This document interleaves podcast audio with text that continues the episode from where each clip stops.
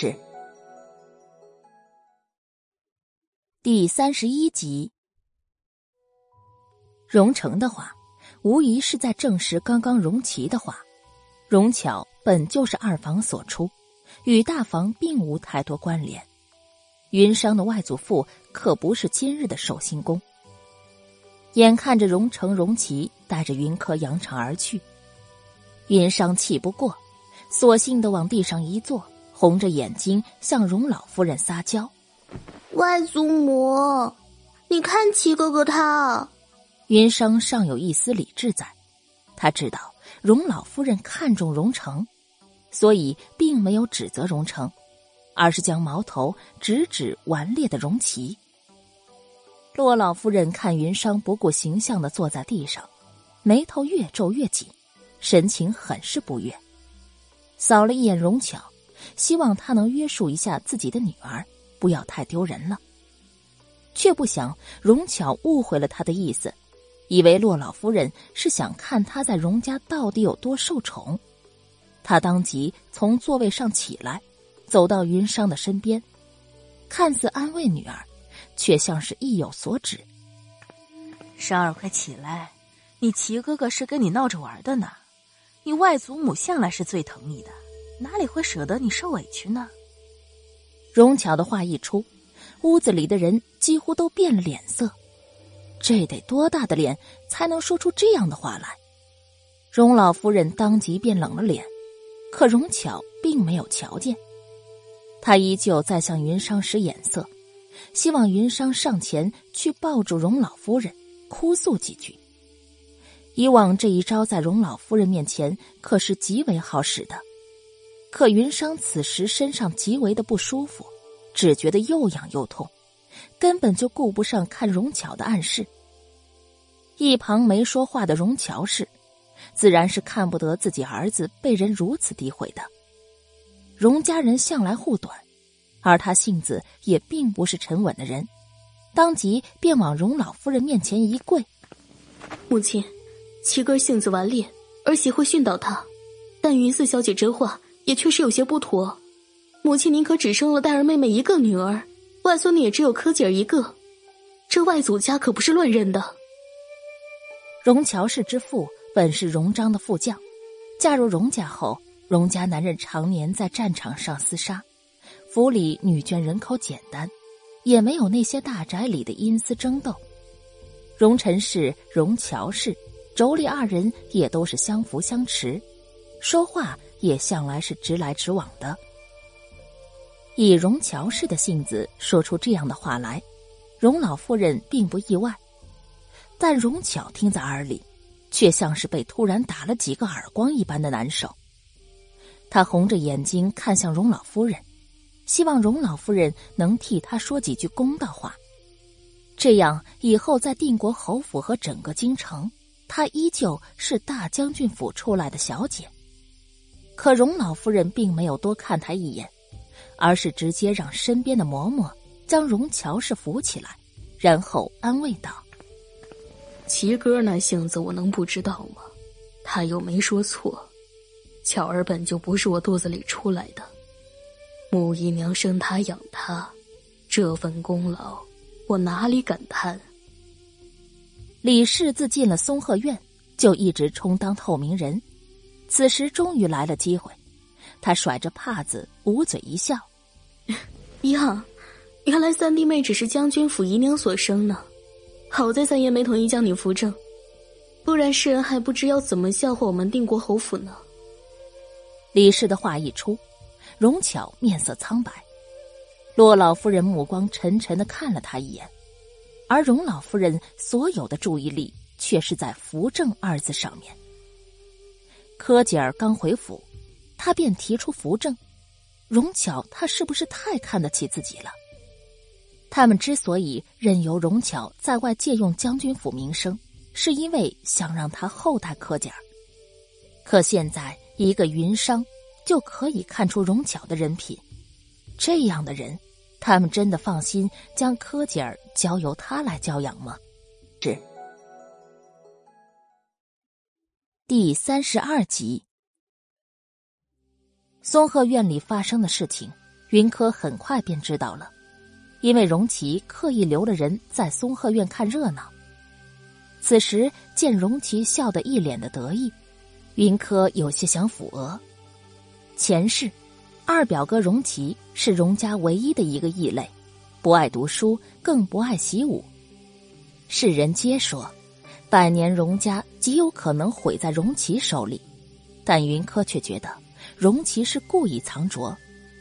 就像外祖父刻意让大表哥荣成走科举一样，明明依荣家在军中的名号，只要荣成在军中历练几年，肯定又是一名大将。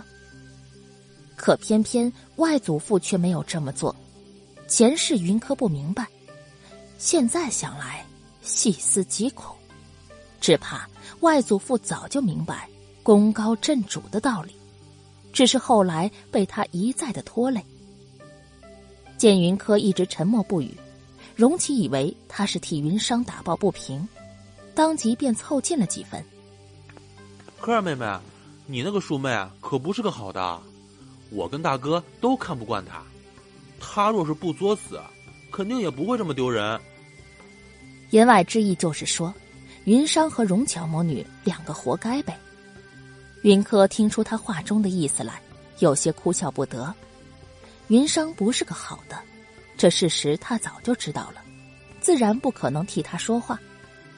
只是他还没来得及开口，就听荣成也跟着补充：“荣巧这些年借着将军府的名头，可没少在外招摇，祖父也有几分不满。”不同于荣琪的嬉皮笑脸，荣成说的一本正经，这让云柯不得不想起刚刚在松鹤院里。荣成的补刀之举，大表哥，阿奇至少有句话没说错。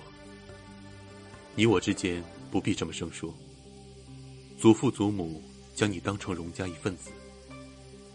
云柯眼眶一热，压下泪水，然后欢欢喜喜的唤了声“程哥哥”。一旁的荣琪当即又凑近几步：“啊，还有我呢，我呢。”齐哥哥，少女脸上带着明显的笑容，亲昵也同样明显，逗得荣琪笑呵呵的，就连荣成脸上也多了几分春风化雨。到了前院，荣成便带着云柯直奔祖父的书房。眼前的老人两鬓已有白发，明明才不过五十岁，却因常年征战。比养尊处优的同龄人多了几分沧桑。云柯踏入书房的那一瞬间，眼泪便有些止不住。前世荣氏蒙难，他没来得及见他老人家的最后一面，隔世再见，他心里更多的是愧疚。荣章正在书桌后处理公务，听见脚步声，抬起头来。看到那张跟妖女极为相似的小脸时，顿时有些恍惚。云柯见过外祖父，祝外祖父寿比南山，万事顺心。强忍着内心的酸楚，云柯上前见礼，也成功的拉回了荣章跑远的神思。柯姐来，让外祖父好好看看。哎呦，这些年呐。可是辛苦你喽！云柯一言上前，离外祖父近了，将他眼里的疼惜看得清清楚楚，内心里的歉意也就更为浓厚。科儿不辛苦，这些年没有在外祖父面前承欢，科儿不孝。喂，说的什么傻话？如今呐，回来了就好啊，回来了就好。你娘的在天之灵呢，也是会高兴的。想到早逝的妖女，大将军荣章也是一脸的伤感。祖孙两个因提及已逝的荣代，心里都多了几分色意。书房里的气氛也顿时变得沉默起来。一旁的荣启眼神一转，往前走了几步，笑道：“祖父啊。”你可别欺负科儿妹妹年少啊！这要是吓得她以后都不敢来我们家了，我可不依。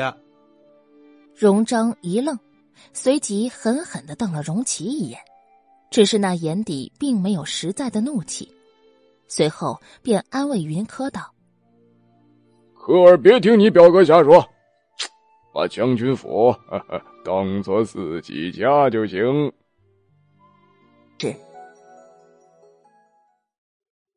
第三十三集，云柯泪目点头，荣琪却笑嘻嘻的过来向云柯邀功。嘿嘿，柯儿妹妹怎么样？我表现的还好吧？眼见着他那急切的目光，云柯却是直接“噗”的一声，精致小巧的脸上满是笑意不说，一双杏眸更是水汪汪的，嘴边若隐若现的梨涡惹人注目。荣琪当即就看傻了眼，荣成眼里也是暗光流动。荣章见兄妹三人之间气氛和睦，心里也多了几分欣慰，仿佛看到多年前。将军府后院里，荣玉、荣静、荣代兄妹三人窃窃私语的模样。见外祖父此时心情极好，云柯心里也难得的放松了几分。这样的氛围，如今对他来说如珍如宝。却恰在这时，有下人来报，说是六王爷来了。听到“六王爷”三个字，云柯浑身冰冷成片。食指收回手中，死死的掐住自己的手心，却压抑住了那瞬间喷涌而出的仇恨。恨意一息之间便已弥漫全身。六王爷楚逸轩，前是他的枕边人，也是前世灭掉大将军府，然后又亲自下令罢他后位，将他就地处斩的人。荣家祖孙三人。听到六王爷来了，均眉头微蹙，是以并没有发现云柯的异样。蓉儿，你去前院迎接。荣章直接吩咐道：“荣成是将军府嫡长孙，由他迎接并无不妥。”荣成领了命便往外走，准备去迎接六王爷楚逸轩。荣琪耸耸肩，似乎对那六王爷极为不在意。转身看向云柯时，却发现他的脸色有些苍白。柯儿妹妹，脸色为何如此难看？可是哪里不舒服？啊，我没事。外祖父既然您这儿有事要忙，那科儿先回外祖母那边。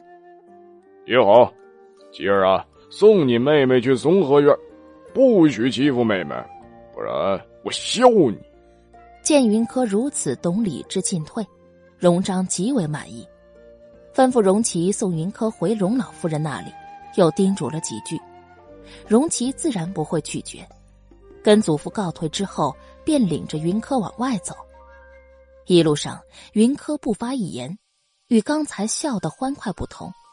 此时他身上似乎蒙上了一层阴暗，让人有些心疼。柯儿，你见过那六王爷？荣琪思忖后，小心翼翼的问：“七哥哥觉得，那六王爷如何？”云柯不答反问，圆溜溜的杏眸静静的看着荣琪，像是极为期待他的答案。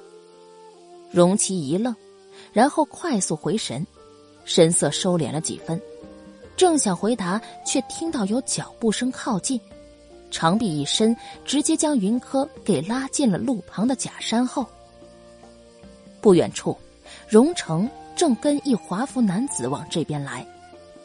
只见那男子身着上好的云锦蟒服，右手大拇指上戴着祖母绿的玉扳指，左手背在身后，边走还边侧手跟荣成说着什么，端的是一副玉树临风、公子如玉般的模样。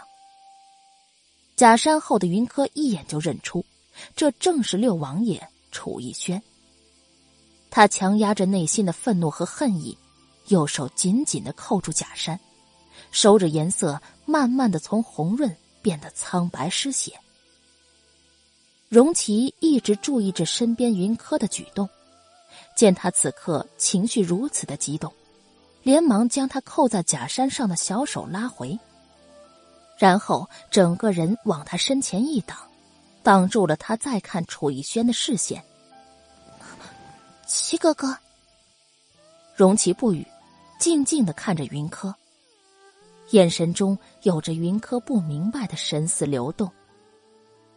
是第三十四集。科尔，你老实告诉齐哥哥，你是不是见过楚逸轩，或者说他是不是得罪过你？虽然荣琪有些想不明白，科尔一直在灵山十年不曾下山，楚逸轩一直待在京城，两人之间会有什么样的交集？但现在亲眼所看到的，便是科尔对楚逸轩，绝对不是初次见面的陌生之感。云柯抬起头来，认真的看着荣琪，半晌才问道：“如果我说我跟楚逸轩有不共戴天之仇，齐哥哥当如何？”云柯说完之后，便有些后悔，他不该跟齐哥哥说这些的。这时，他不会再帮楚逸轩坐上帝位。如果可以，他打算直接斩断楚逸轩与帝位的任何可能性。彻底的毁了楚逸轩，但这些他不能跟任何人说，也不能再将外祖父一家拉进来。这一世，大将军府只要安心的做着朝臣就好。他话音一落，荣琪眼底暗光流动，但随即却又哈哈大笑：“哈哈哈哈哈！我们荣家人向来护短，他招惹了科儿妹妹你。”那就是我荣琪的仇人，自是不会让他好过。见云柯似乎有些愣，荣琪伸手直接揉了揉他的头顶，温和的说道：“傻丫头，我虽然不知道你跟那楚逸轩的仇恨从何而来，但只要你说，我就信。再说，我本来就看不惯那楚逸轩，你放心，以后齐哥哥跟你一起阴他。”一句“一起阴他”，让云柯的整颗心都亮堂起来。他自是不可能让齐哥哥跟他一起胡闹，但不得不说，荣琪的这么一个态度，还是让他倍感温馨。齐哥哥，谢谢你。不用谢，只是科儿，楚逸轩他并不是那么容易对付的。这两年他在朝中的势力大涨。在皇上心里的地位也越来越重，大有超过三王爷的势头。你一个女儿家，有什么事情说出来，齐哥哥替你去办，你就不用出头了。好，那齐哥哥，我们今天就这么做。云柯没有丝毫的客气，直接招手让荣琪过来，然后凑近他耳边嘀咕了好一阵。便见荣琪一张俊脸，明明暗暗好一会儿，最后有些一言难尽的看向云柯。齐哥哥，怎么啦？云柯笑得灿烂，明知道荣琪此时极有可能是被他刚才的话给惊到了，但还是故意使坏，装不知道。他知道齐哥哥的性子，他若跟他客气，不让他帮忙。他肯定还会生气，所以他丝毫不跟他客气，要他帮忙。没什么，我只是突然有些同情那个楚逸轩了。荣琪心情有些复杂，原本以为这初次见面的表妹是个小绵羊，所以才想着极尽可能的呵护她。可是这会子听了他的损招，荣琪觉得。自己可能一时眼看花了，小绵羊分分钟会变成大灰狼啊！他在心里默默的替已经进入祖父书房的楚逸轩默哀了几分钟，那模样要多虔诚就有多虔诚。云柯见他这般模样，却是没良心的捂着嘴偷笑。荣琪原本还纠结着。见他笑得如同雨后彩虹，悄悄的叹了口气。罢了，管他是小绵羊还是大灰狼呢，他还就认定这个宝贝妹妹了。齐哥哥放心，科儿知道分寸的。如果那楚逸轩不来招惹我，我肯定不会主动害他的。今天可是外祖父的好日子，我自然盼着顺顺利利的。但云柯心里很清楚，要楚逸轩今天不来招惹他，那是不可能的。前世他跟楚逸轩的第一次见面，就在外祖父的寿宴这天。是第三十五集。云柯兄妹二人回到松鹤院时，云商母女和云芝都已不在屋内。荣琪将六王爷来访的消息告诉了荣老夫人，荣老夫人点点头，示意知道了，并没有半分惊讶。但屋子里坐着的其他人却是心思流转，特别是洛老夫人。大将军府嫡系虽然子嗣稀少，但却是个个有出息。将军府这些年在荣章的带领下，越发的得皇上器重。反观定国侯府，虽然有着从龙之功，但却因为子嗣的不上进，这些年呈现没落之象。洛老夫人将目光落在与荣琪同时进来的云柯身上，眼里有着不易发现的金光。七哥，你带着妹妹去水央园那边去玩吧，听说那边都摆起了诗社。你们年轻人自己乐呵乐呵就好，不用陪着我们这些老骨头了。荣老夫人一边说着，一边挥了挥手。云柯朝洛老夫人看了一眼，见她也点了点头，然后才向荣老夫人告辞。水央院建在将军府的中心位置，中间有个巨大的人工湖，景色极为漂亮。每逢将军府有大型的宴会，也都会设在水央院。荣启领着云柯往水央院去，行至半路，却见一小厮匆匆赶来，在荣启的耳边耳语了一阵，荣启便一脸为难看向云柯。今日外祖父寿辰，齐哥哥作为主人，定是有很多事情要忙的，你找个人带我去水央院就好。哪怕云柯心里早就将去水央院的路记得很熟悉了，但他还是让荣琪为自己安排了一个小丫头，只是为了让荣琪放心，毕竟他可是第一次来将军府。荣琪原本是有些不放心的，但止不住云柯再三保证会照顾好自己，他才招来一个丫头，再三叮嘱才离开。他离开后，韩秋、韩月也在第一时间跟上前来。云柯带着他们在丫头的带领下走向水央院。远远的，云柯一眼就看到了云裳。此时他正被一大群的贵女包围着，身上的烟波琉璃裙早就换成了鹅黄流苏裙。云裳本就生得小巧明艳。这鹅黄色流苏裙将她衬托得更为出众，不得不说，荣巧这回的眼光还是不错的。领云柯主仆三人来的小丫头，准备提醒众人，但云柯制止了他。接着就听到云商正扬着嗓子，以主人之姿对身边的贵女介绍府里的情况。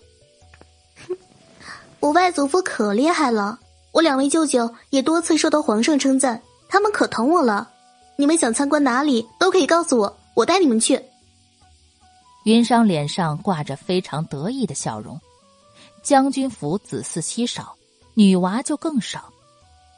之前因为云柯不在京城，荣巧又经常带他回将军府，所以云裳直接就将自己当成了将军府的主子。听到他这话，云柯面色一沉。他不在乎云商是不是把自己当成将军府的主人，但却在乎云商吹嘘外祖父和两位舅舅。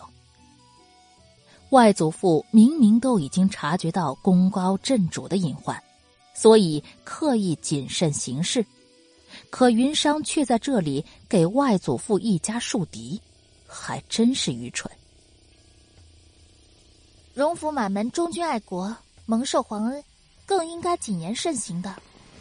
四妹妹年少无知，在这里大放厥词，有失礼仪。若让叔祖父和巧姨娘知道，又该罚四妹妹禁足了。云柯带着寒秋、寒月，慢慢走进云商。是第三十六集。众人听到声音，都转过头来，见远远走来一紫衣美人。年纪虽是不大，但却身形高挑，气质沉稳。众人将云商与来人两相比较，却发现云商无论是在哪个方面都比不上。云商自然是发现了众人异样的目光。刚才娘亲已经将烟波琉璃裙的事情告诉他。他早就在心里恨上了云柯，他好不容易才在众贵女面前赢回了一局，眼见着就要被云柯给破坏，自然是不悦，当即便瞪着眼睛腾的起身，走到云柯面前道：“云柯，你就是跟我过不去是不是？我根本就没有说错，外祖父和两位舅舅本就是深受皇上赞扬的，这是有目共睹的。”云商理直气壮，他说的就是事实。云柯要是敢反驳，他就去外祖父面前告状。可云柯却只是轻飘飘的看了他一眼，然后灿烂一笑：“四妹妹是不是搞错了？二房似乎不止两个舅舅呢。”一句话让云商再也说不出多余的话来。可偏偏又拉不下脸来，于是便倔强的昂着头，梗着脖子站在云柯的面前。云柯暗地冷笑，以前他不在京城，所以荣巧母女含糊其辞称自己为荣家小姐，自没有人会在意。但如今他回来了，定是要从一开始就斩断荣巧攀附荣家的可能性。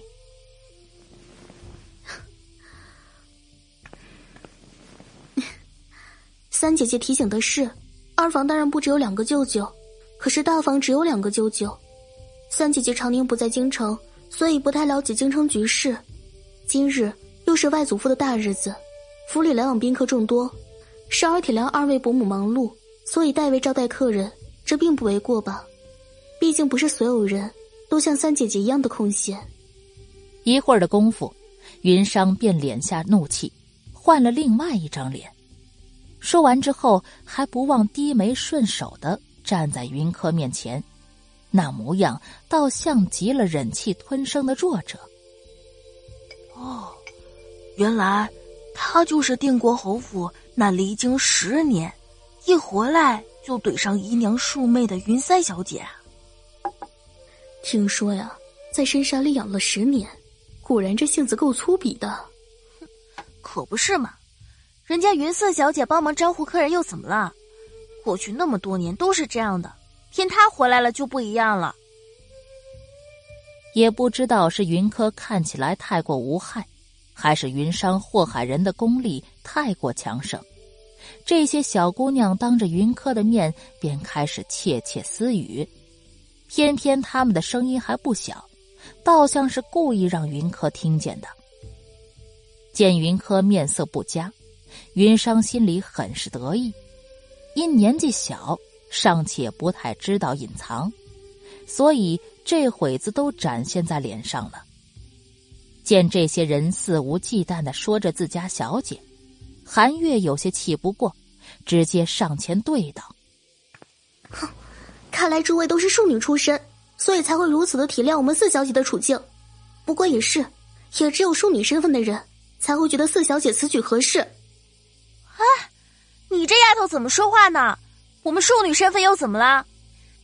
其中一个身着浅粉色衣裳的小姐，当即便指着韩月的鼻子指责道：“韩月张嘴欲回怼，被云柯眼神制止了。秦六小姐，庶女身份没什么，庶女跟庶女交朋友自是应当的。想来这也是令姐不愿意带你去那边参加诗会的原因吧？云柯嘴里轻松的说着，眼睛却是直接扫向了湖中凉亭里正在举行的诗会上。是第三十七集，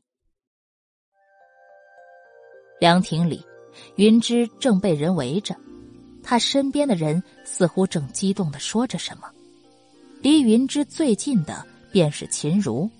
也是前世楚逸轩后宫里位居云柯之下的秦贵妃。眼前的秦六小姐，就是那秦如的庶妹秦琳。姐妹两个同样的出身丞相府，但嫡女和庶女之间的矛盾，自是没那么容易就能调和。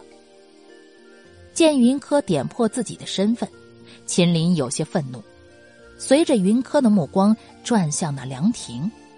看着嫡姐此时正一脸明媚的笑容，心里更是愤慨不已。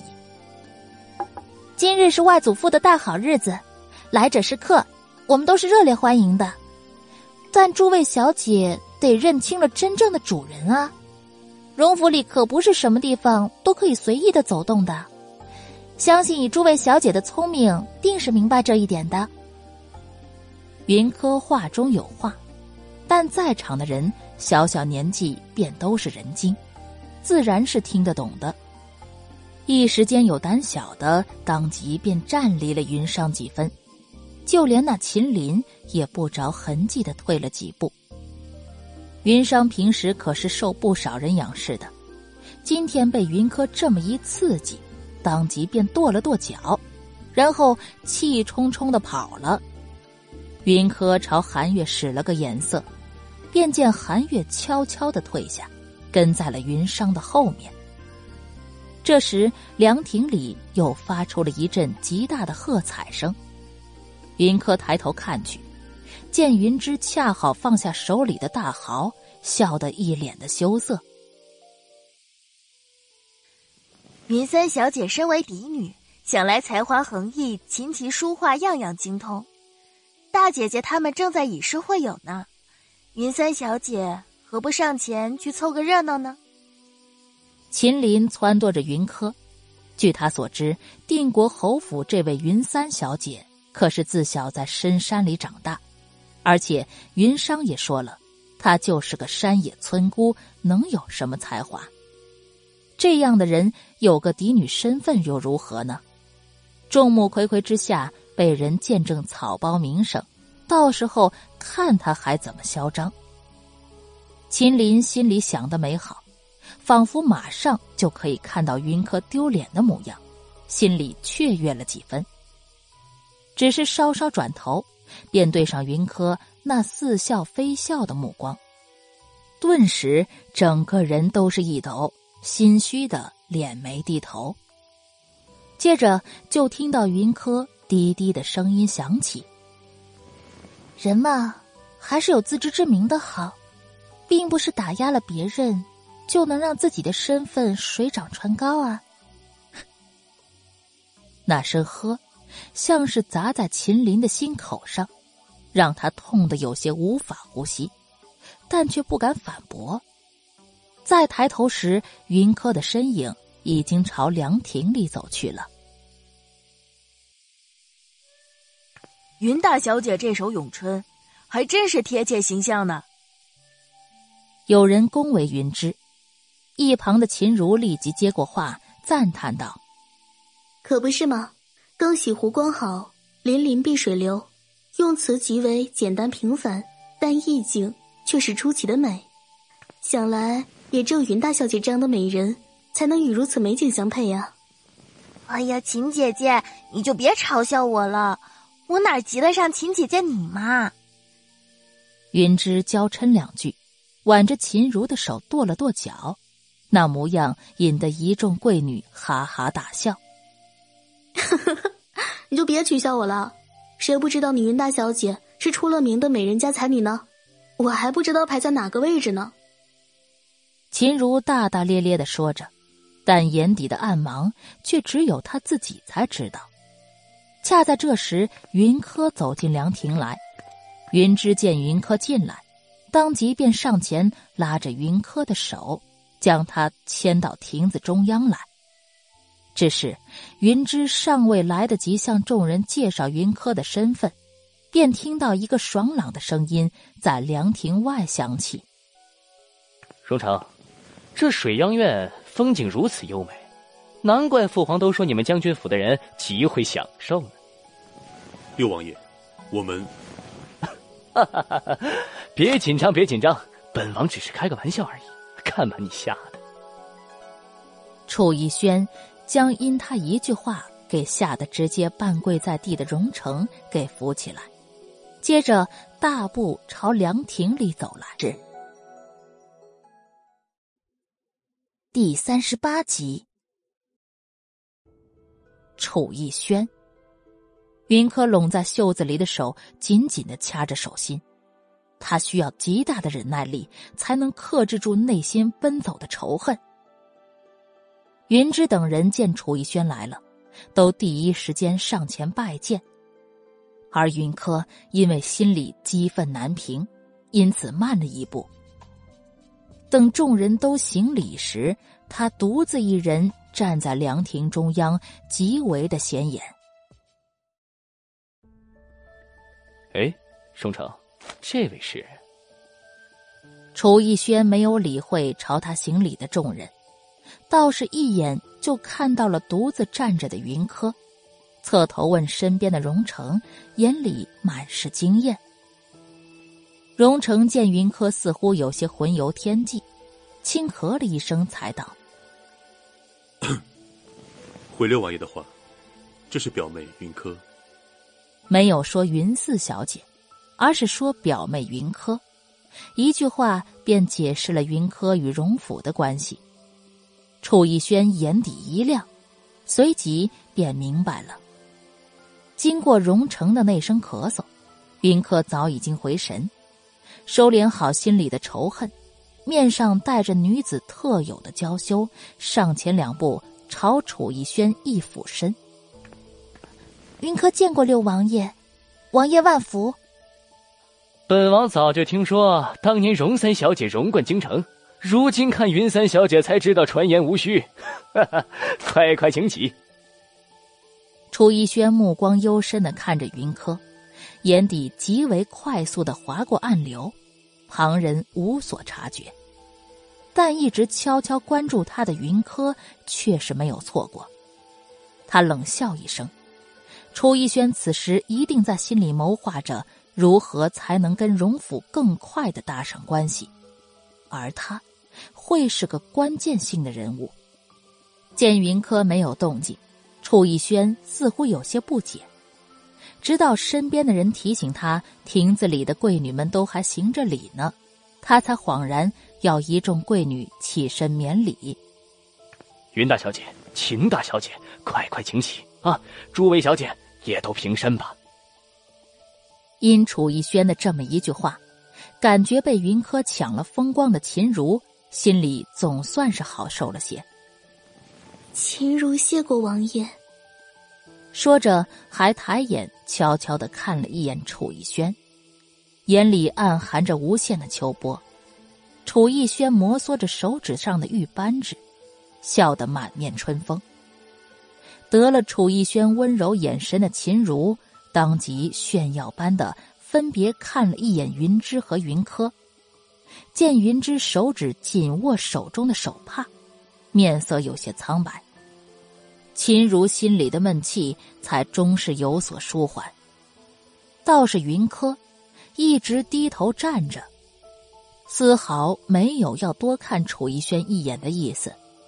秦如心下有些意外，却听云柯开口请辞：“六王爷恕罪，臣女有些不舒服，先行告退。”云三小姐，可要请太医来瞧瞧？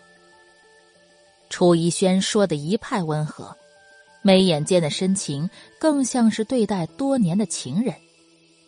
云柯变身深寒，但面上却是丝毫不显。抬头看了一眼湖对岸的水榭，然后才微微浅笑，对楚逸轩说道：“ 不必了，臣女自小体弱，但并无大碍，去那边稍作休息就好。随着云客的视线，楚逸轩也看了对面的水榭，再回看眼前的云柯，只觉得小姑娘笑得特别的好看，于是点了点头，算是同意了让云柯先行离开。云柯倒也不客气，直接换过寒秋。朝荣成打了个招呼后，便朝对面水榭走去。在韩秋扶着云柯经过楚逸轩身边时，楚逸轩特意抬头看了一眼韩秋。云柯领着韩秋直接走到对面的水榭里，还特意在水榭里停留了一会儿，似乎是凭栏跳远，看了一眼遥遥相望的凉亭一眼。云柯离开后，凉亭里的诗会继续。秦如看着云柯离开的方向，撞了撞云芝，小声问道：“哎，你家这三妹妹该不会是担心在六王爷面前出丑，所以故意找个借口离开吧？”云芝一愣，眼里极为快速的划过不屑，再抬头时依旧是温柔浅笑：“秦姐姐可不要乱说。”我家三妹妹师从灵山蓝衣，可不会是无才之人。秦如泱泱的哦了一声，此事接过不提。但云之眼里的神色又深了几分。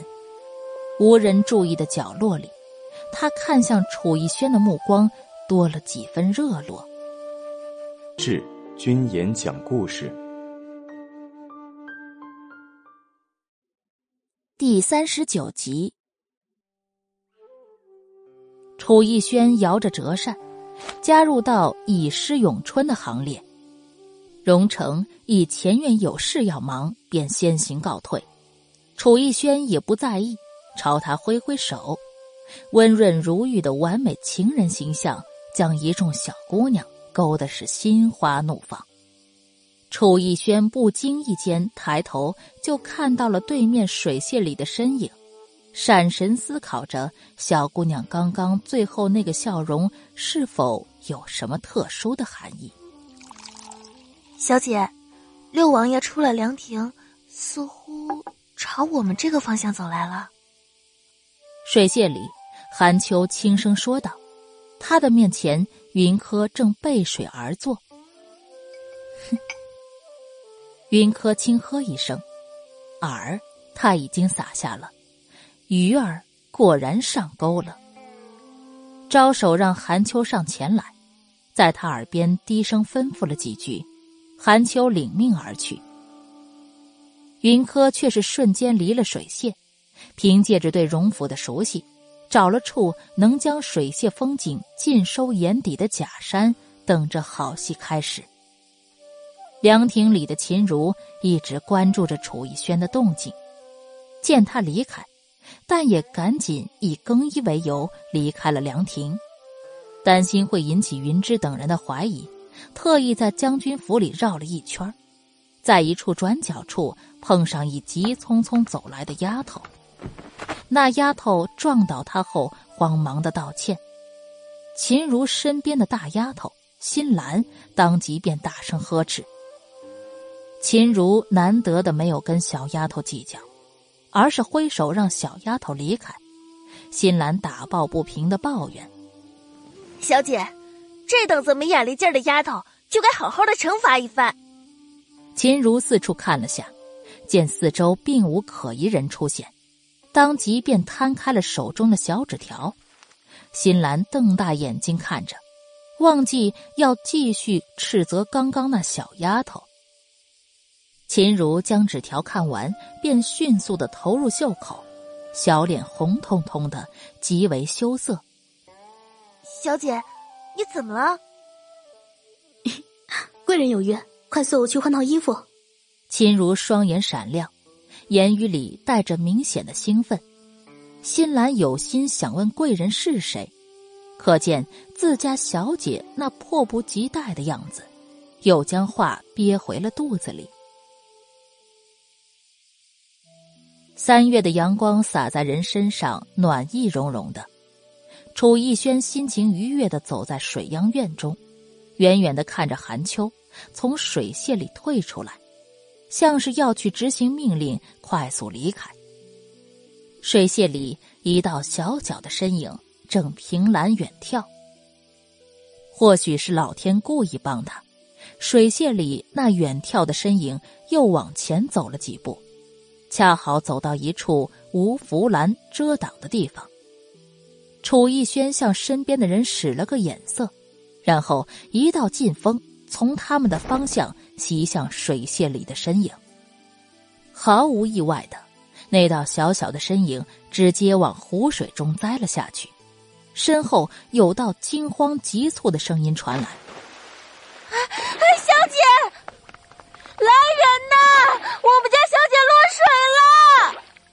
楚逸轩来不及看身后的丫头究竟是谁，直接纵身一跃，便跳进了湖水中。因这一声惊呼，凉亭里的众人也都第一时间围了过来。云柯也不例外，他带着寒秋远远的走来。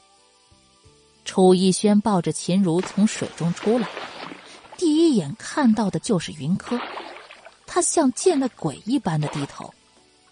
只见怀里的秦如正满目含羞的抬头望他。这一刻，楚逸轩不知道是该直接将秦如给扔在地上，还是该继续抱着。小姐，你没事吧？啊！哎呦，吓死奴婢了！新兰见自家小姐终于被捞了上来，便赶紧上前。楚逸轩借此机会将秦如给放下来，两人身上的衣服都已湿透。楚逸轩与他面对面的站着，不可避免的多看了一眼，隐约觉得自己心口热热的。感谢六王爷舍身相救，小女愿以重谢。一边说着，秦如又刻意弯了弯身子，胸口白嫩的风景又往外展现了几分。楚逸轩只觉得自己身子又热了几分，担心失态，连忙将目光转移。至君言讲故事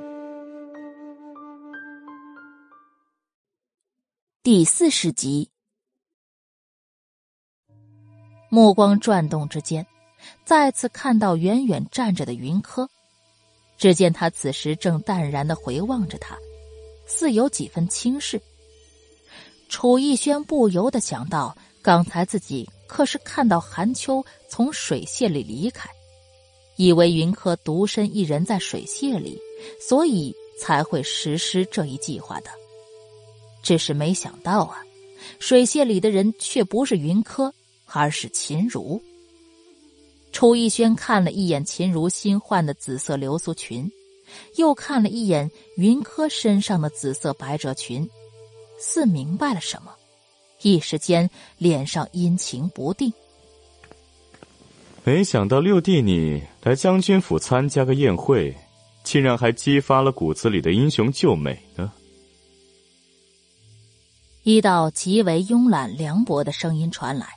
众人一致回头，见三王爷楚天阙正朝这边走来，在他身边，荣琪正眉头紧皱。楚逸轩还在心里思考着这件事情，云柯到底是不是知情？就听到楚天阙这明显的嘲讽之语，一时咬牙切齿的回了句：“哎，三哥谬赞了，只不过是举手之劳而已。”臣女见过三王爷，三王爷吉祥万安。云芝羞涩见礼，目光落在楚天阙身上时，瞬间变红了脸。对云芝置之不理，楚天阙直接走到秦如的面前，嫌弃的扫了他一眼，张口就说道：“就这副鬼样子，还真是浪费了六弟的英雄之举。”跟在他身后的荣琪嘴角抽搐。却丝毫没有任何的惊讶之举，仿佛这就是他所认识的三王爷。见楚逸轩阴着张脸，似濒临爆发边缘了，他只得上前来向楚逸轩抱拳说道：“已吩咐人准备好了热汤，还请六王爷一驾。楚逸轩不想当着这么多人的面跟楚天阙撕破脸，冷着脸绕过一脸娇羞的秦如，走到云柯身边时，终究是克制不住，问了句：“刚刚云三小姐可是一直都在这水榭四周？”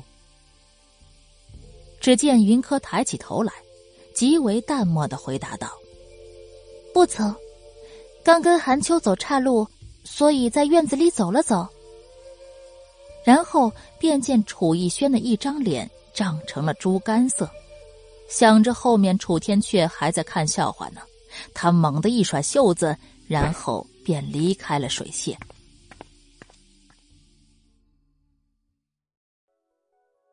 楚天阙像是此时才发现了云柯一般，目光落在小姑娘的脸上，食指和大拇指摩挲着自己的下巴。上次见他坐在马车里，只知道他胸前发育的不错，今日看来身段也是不错的。一旁的荣琪并没有发现楚天阙对宝贝表妹的关注，他吩咐下人将秦如带下去沐浴更衣。云芝以照顾秦如为由，扶着秦如离开，其他一干贵女也都纷纷离开。也有不少见了三王爷楚天阙真容便不想离开的，但都被身边的人拉着走了。见所有人都走了，荣启赶紧走到云柯面前，将他上下打量了一番，焦急询问：“柯儿，你没事吧？他……”荣启没有把话说完全，但云柯明白，他看了一眼楚天阙。朝荣琪眨了眨眼睛，荣琪便闭了嘴。荣琪，这是你的小情人。随意的往水榭里一坐，楚天却懒懒的问道：“只是在说到小情人时，看向云柯的目光里多了几分晦涩。”荣琪一愣，赶紧辩解：“柯二是戴尔姑姑的女儿，也是我正牌的表妹。”一边说着，见云柯额边有些碎发悄悄散落了下来，极为自然的替他将头发挽到耳后。本王觉得这水央院的风景的确不错，想在这坐坐。容琪，你去忙吧。随意的挥了挥手，楚天却示意容齐先行离开。容齐没意见，随意的行了个礼，便准备带着云柯一起离开。是。君言讲故事第四十一集。本王觉得你家表妹极合眼缘，想留她在跟前侍候一会儿。楚天却挥了挥手，他身边的天童便上前拦住了云柯的去路。荣启脸色一变，却又听楚天却补充了一句：“放心。”本王对这种干瘪身体的小丫头没什么兴趣，不过是有几句话想问她罢了。深紫色的蟒服穿在身上，明明是极为尊贵的颜色，可眼前却让他多了几分危险气息。一张宛若上天得意之作的俊脸，此刻阴云密布，如鹰的目光一直落在云柯的身上。让人没法轻易分辨出他此刻心里所想。荣琪欲言又止，给了云柯一个见机行事的眼神后，一步三回头的离开了。云柯却是低头看了一眼自己胸前干瘪身体，确定说的是他吗？因为自小习武的原因。她的身形较之一般的闺阁女子要高出许多，又因为自小便注意保养和护理，所以以她现在的身形来说，说是已至出嫁之年也不为过。可眼前的这男人说出这样的话来，不是眼瞎，那便肯定是心盲。云柯在心里默默的吐槽着：“小姐。”身后传来韩秋的声音，云柯回头，见天童正准备带韩秋离开，韩秋有些不放心他。刚刚三王爷不是说了吗？他对我这种干瘪身材的小丫头没兴趣，我安全着呢。云柯凉凉的说了一句，声音不小，相信楚天阙会听得很清楚。韩秋跟着天童离开，水榭里只剩云柯和楚天阙两人。劲风闪过，云柯便发现自己被楚天阙给捏住了下巴。他冷下脸来：“王爷这是何意？”小姑娘，本王提醒过你，你很聪明，但如果你的聪明不能让你自保，那么便会毁了你。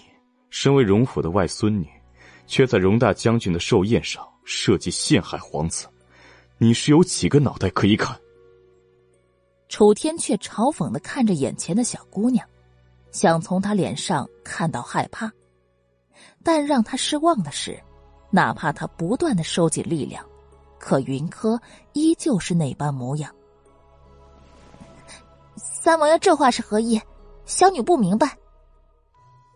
云柯心里惊慌一片，面上却一直维持着淡定，脑子里想着刚刚的事情哪个环节出了错，让楚天阙抓住了把柄。哼。还不肯承认是吧？如果本王没记错的话，那个给秦如传递纸条的小丫头，就是荣琪院子里的吧？你究竟是谁？为何会对本王的六弟这么的熟悉？想着之前在城外，云柯分析毒蝎子习性时，也曾预测过楚逸轩的行踪，今日所作所为又特意针对楚逸轩，这让楚天阙。不得不怀疑云柯的身份。云柯沉默，心中警铃大作，却听楚天阙又说道：“你故意让你的丫头站在水榭不远处，给我那个蠢六弟造成错觉，让他以为水榭里站的人是你。你像是料定他会让人用暗器射中水榭中的人一样。说吧，你到底想做什么？”这也是楚天却想不明白的地方。如果说云柯只是想欲擒故纵，用这样不入流的方式在楚逸轩面前刷存在感，好让楚逸轩收了他，那倒可以解释得通。可事实上并不是这样的。眼前的小姑娘看不到丝毫对楚逸轩的爱恋，倒更像是仇敌一般。趁着楚天却手劲减少，云柯终于摆脱了他的钳制，然后后退两步，一脸防备的看着他。既然三王爷都已经猜到了前因后果，便应该会明了。如果今日掉入水中的人是我，在外祖父的寿宴上与六王爷当众有了肌肤之亲，那我便与六王府脱不了干系，到时候荣府也会与六王府绑在一起。而这，并不是我想要的结局。第四十二集，云柯心里很明白，楚天却是个聪明人，他能将这些荣琪都不一定能想明白的事情摆到台面上来讲，便肯定就已经在他不知道的情况下，对刚刚的事情了解过了。如果他撒谎，那只会让事情变得更糟。所以他索性直言相告：“你不是想成为六王妃吗？定国侯府的嫡三小姐，有了今天的这么一出，再加上还有荣府为你撑腰，你自然是可以捞个六王正妃做做的。”楚天阙说的随性，但眼里的暗芒一直不减，心里更是默默想着：如果云柯真有此打算，他不介意先了结了他。这样聪明的姑娘，如果让楚逸轩得了去，而且还有整个荣府作为后盾的话，那将会带来无限的麻烦。我为何要想？云柯冷嗤一声，前世他就是这样进入了六王府，以整个荣府为嫁妆，得封六王正妃。可后来他得到了什么呢？重活一世。他又如何还会再想呢？楚天却若有所思的看着云柯，像是不能理解为何他会不想嫁进六王府。这明明是京城一半未婚少女的梦想。眼前的小姑娘，小脸明明还稚嫩着，可说出来的话却是轻易就能让人侧目。本王的六弟，本王是再清楚不过的。如果他动了心思，想将你收入府中，你是避不开的。重新回到美人靠上面，楚天阙看向云柯的目光里多了几分嘲讽，那模样像是在说云柯的自不量力，妄想以这么一桩小事就打消楚逸轩的决定。云柯脸色一变，他自然知道楚逸轩有多执着。对于自己想要的东西有多么的不择手段。楚天阙见云柯脸色终于变换了几分，轻呵了一声：“哼，秦如出身丞相府，属皇后一脉。你如今将她与秦如凑成对儿，明日她再想法子收了你，这样一来，文武都有了，那本王可就不是对手了呢。”明明话里带着自嘲的意味。但云柯却听出其中的冷意，他不由得再次看了一眼坐在美人靠上面的楚天阙，依旧是那桀骜的模样，但眼神里的嗜杀之气足以让他不寒而栗。这么一息的功夫，云柯便觉得有些呼吸困难。好不容易，楚天阙终于是收回部分视线，云柯大大的呼出一口气。我命由我不由天，他六王爷想收了我，没那么容易的。云柯的话音落下不久，天卓便在水榭外求见，楚天阙朝他点了点头。天卓走进水榭后，在楚天阙的耳边嘀咕了一阵。楚天阙的脸随着天卓的话一时变幻多次。当天卓终于说完。他目光犀利的看向云柯，小姑娘，看不出来你这心计还蛮深的。只是本王那六弟不是好惹的，你可是想好了独善其身的办法？楚天阙的话，云柯瞬间秒懂，想来是自己安排的那事儿成了，心里压着的那块大石头也算是松了大半。既然敢做。自然就想好了万无一失的办法。还是那句话，我命由我，不由天。楚天阙定睛看着云柯好一会儿，小姑娘脸上满是坚定，让他甚至有种想为她叫好的冲动。起身轻哼一声，楚天阙便准备离开水榭，去前院看热闹。三王爷且慢，身后。云柯出声挽留，楚天却没回头，脚步慢下来，认真听他接下来的话。第四十三集，云柯只想守护身边的亲人，无意参加任何争斗，也无意与任何人作对，还请三王爷见谅。云柯知道，楚天却不可能跟楚逸轩联手，但今日他算计楚逸轩的事情。被楚天阙知道的清清楚楚，这并不是一件好事。但凡他在楚逸轩面前稍稍透露一二，他和荣府都会陷入万劫不复之中。现在才知道后悔，是不是迟了一些？楚天阙回头意味深长的看了一眼云柯，见小丫头脸上终于出现了一种名为害怕的情绪。他止不住好心情的大笑着离开了水榭。小姐，楚天阙离开水榭后，韩秋、韩月同时上前来，望着那抹张扬的背影，云柯心里憋屈的厉害，但也知道此时不是耍性子的时候。他轻声问韩月：“事情还顺利？”小姐放心。一切照小姐的计划安排的，顺利着呢。前已经闹开了，不少的大臣都指责六王爷品行不端，御史大人更是嚷嚷着，明日早朝要向皇上进言弹劾六王爷。韩月眉飞色舞，压制着声音说道，但那好心情却是怎么都遮掩不住。云柯心里的阴郁也随着他的消息消散了几分。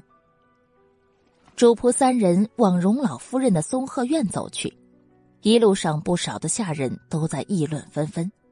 说是没想到六王爷居然是这样的人，如此的饥不择食。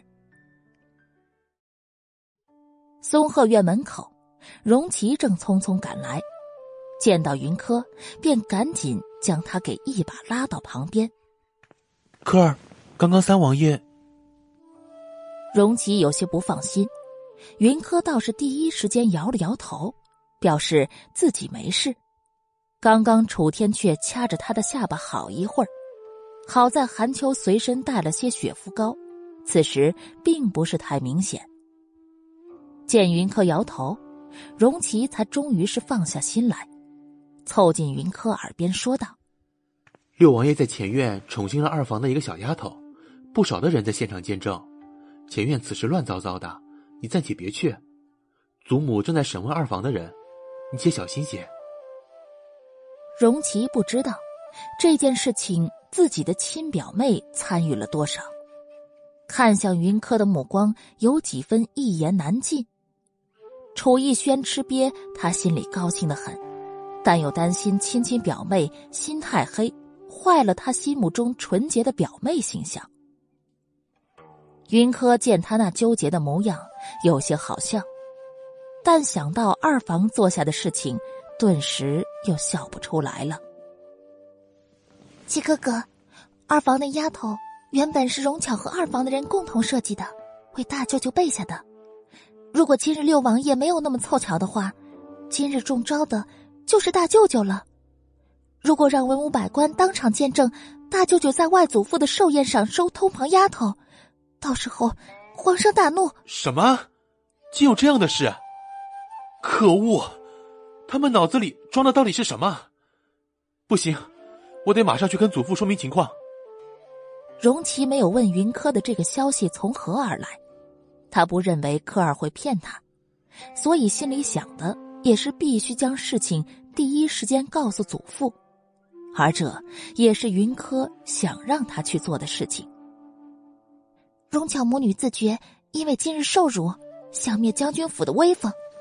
二房是早就存了这样的心思的，所以一拍即合。韩月亲耳听到荣巧跟二房的人商量定下的。若外祖父不信，七哥哥可以来问我要人证。无知蠢妇人！科儿放心，我定会向祖父好好说明的。荣琪点点头。对于二房，他们向来是看不上眼的，但无奈祖父念及兄弟情谊，诸多容忍。可就如科尔所说，若今日之事真落在大伯身上，那将军府的威名可以一夜扫地呀。这样的事情绝不能再有，他必须让祖父和大伯明白这件事情的严重性。这么想着，荣琪便大步朝前院走去。云柯带着韩秋、韩月继续往松鹤院走去。第四十四集，松鹤院里，荣老夫人坐在主位上，荣陈氏和荣乔氏一左一右的站在她的身边。洛老夫人沉着脸坐在下手，地上跪了一堆的人，像极了三堂会审。云柯进来时扫视了一圈，并没有看到李氏和云芝。想来定是洛老夫人让他们母女两个先回了定国侯府吧。柯姐儿，过来坐。荣老夫人朝云柯招手，洛老夫人眉头一皱，似有些不太赞同。老夫人，这郡主，柯姐日后定是要嫁入世家做宗妇的，早期让他明白这些，日后。也不至于手忙脚乱。荣老夫人语气有些沉重，但洛老夫人瞬间明白，当即也就点了点头。云商原本是低头跪着的，但是看到云柯居然可以在洛老夫人身边坐下，顿时心里就有些不平衡。外祖母，你偏心，你要我们跪着，却让云柯坐着，这不公平。明明六王爷宠幸将军府的丫头，这是喜事一件，你却还要罚我们，放肆！荣老夫人重重的一巴掌拍在桌子上。今日本是将军府的大好日子，可因为这等子的小人闹出这么大的事情来，六王爷宠幸一个小丫头，可大可小。若六王爷不追究，那便是私底下的美事一桩。可如今弄得群臣都知道了，六王爷要细查起来，发现了其中的弯弯绕绕，认为将军府是有意陷害，那将军府还能独善其身吗？荣老夫人的一巴掌让云商缩了缩脖子，不敢再说话了。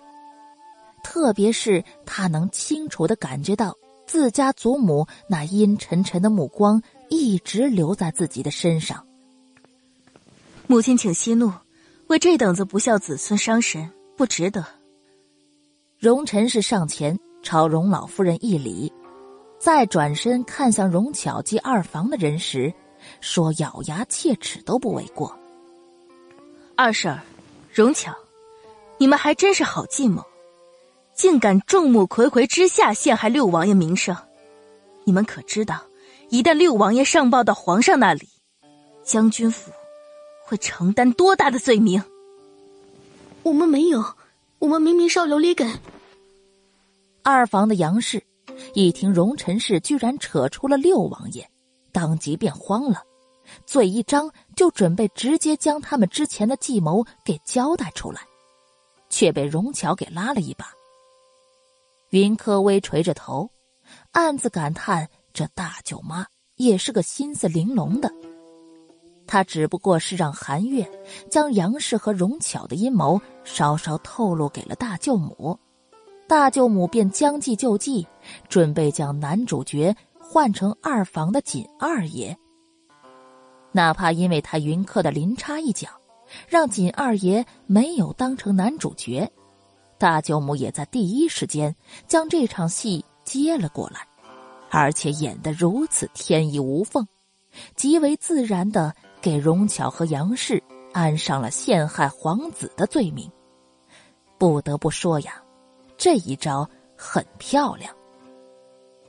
云柯抬头看向荣臣氏，却见荣臣氏趁着没人注意，朝他眨了眨眼。云柯嘴角上扬，止不住的心情大好。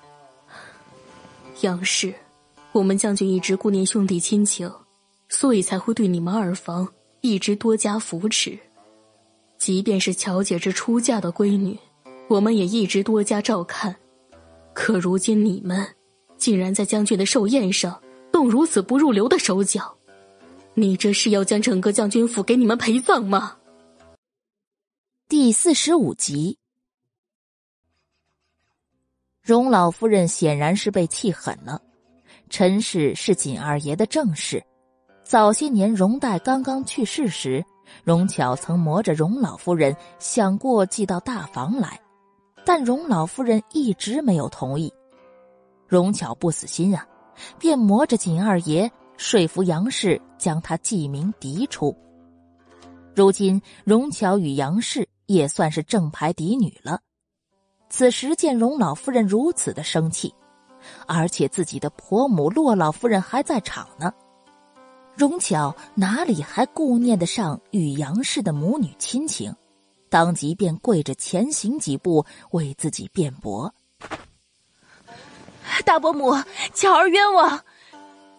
巧儿只是因为久未与母亲相见，所以才去了母亲的院子聊聊天儿。琉璃那丫头虽说心大，可也不敢朝宫来的贵人伸手啊。”这其中肯定是有什么误会的，请大伯母明鉴。荣巧闭口不提他们蓄意陷害六王爷的事情，只说这其中有什么误会。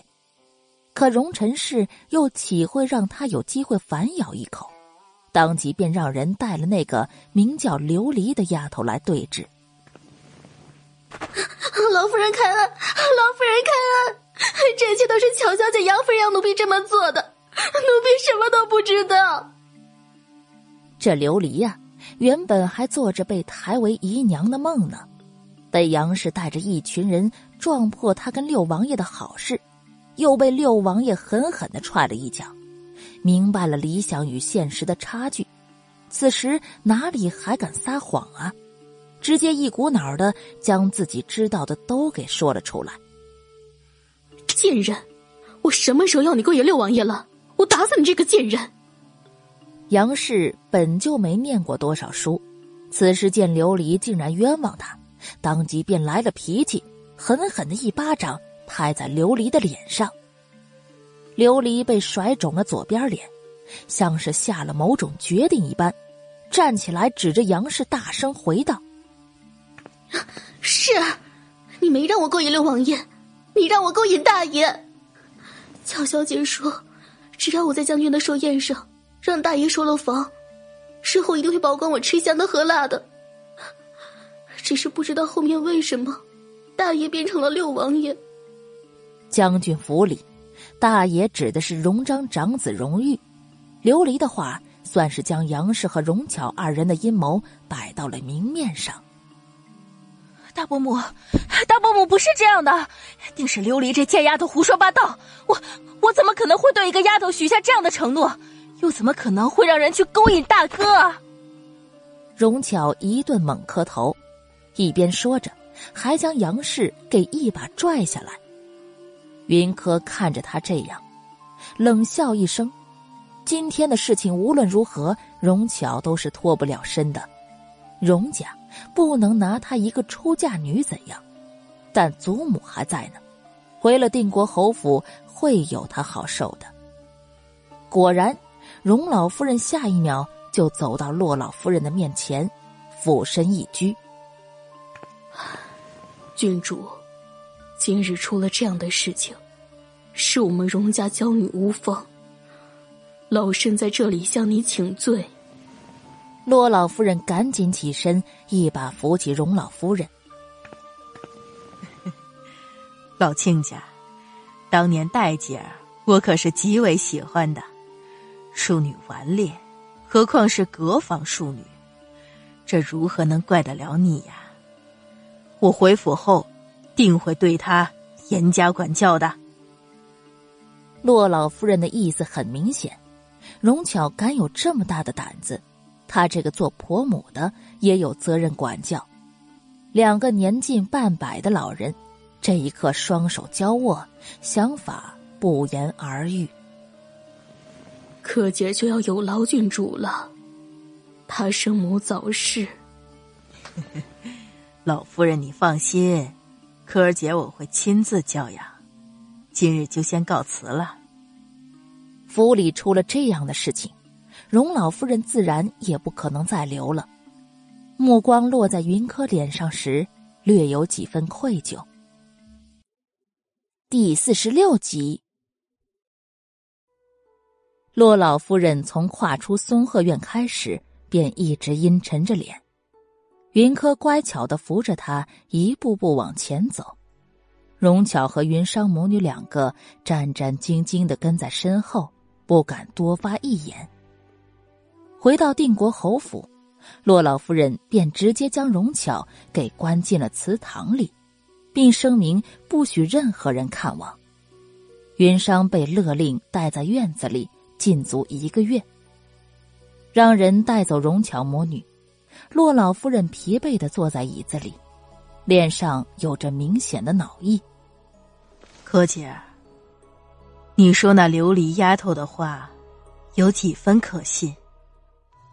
像是闲话家常一般，骆老夫人突然开口道：“云柯一愣，悄悄的看了骆老夫人一眼，心里暗存：老夫人心里恐怕门清吧。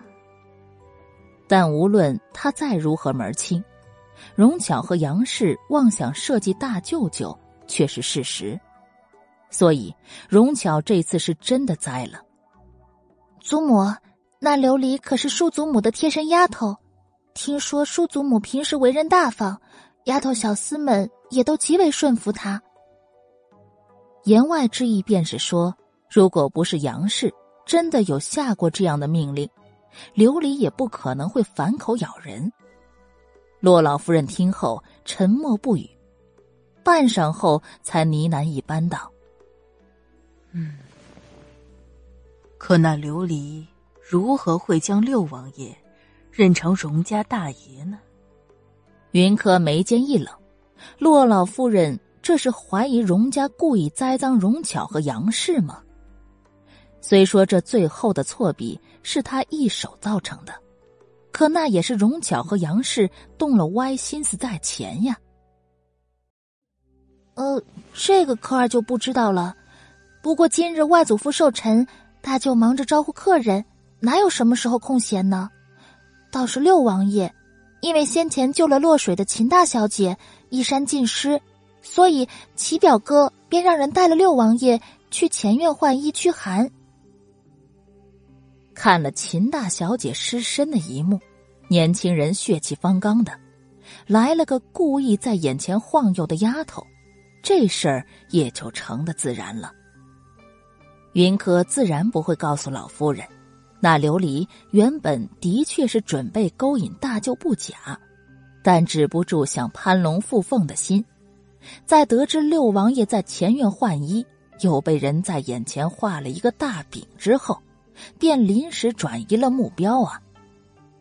至于琉璃身上杨氏给的那些迷情药，则自然被替换成了韩秋亲手研究的。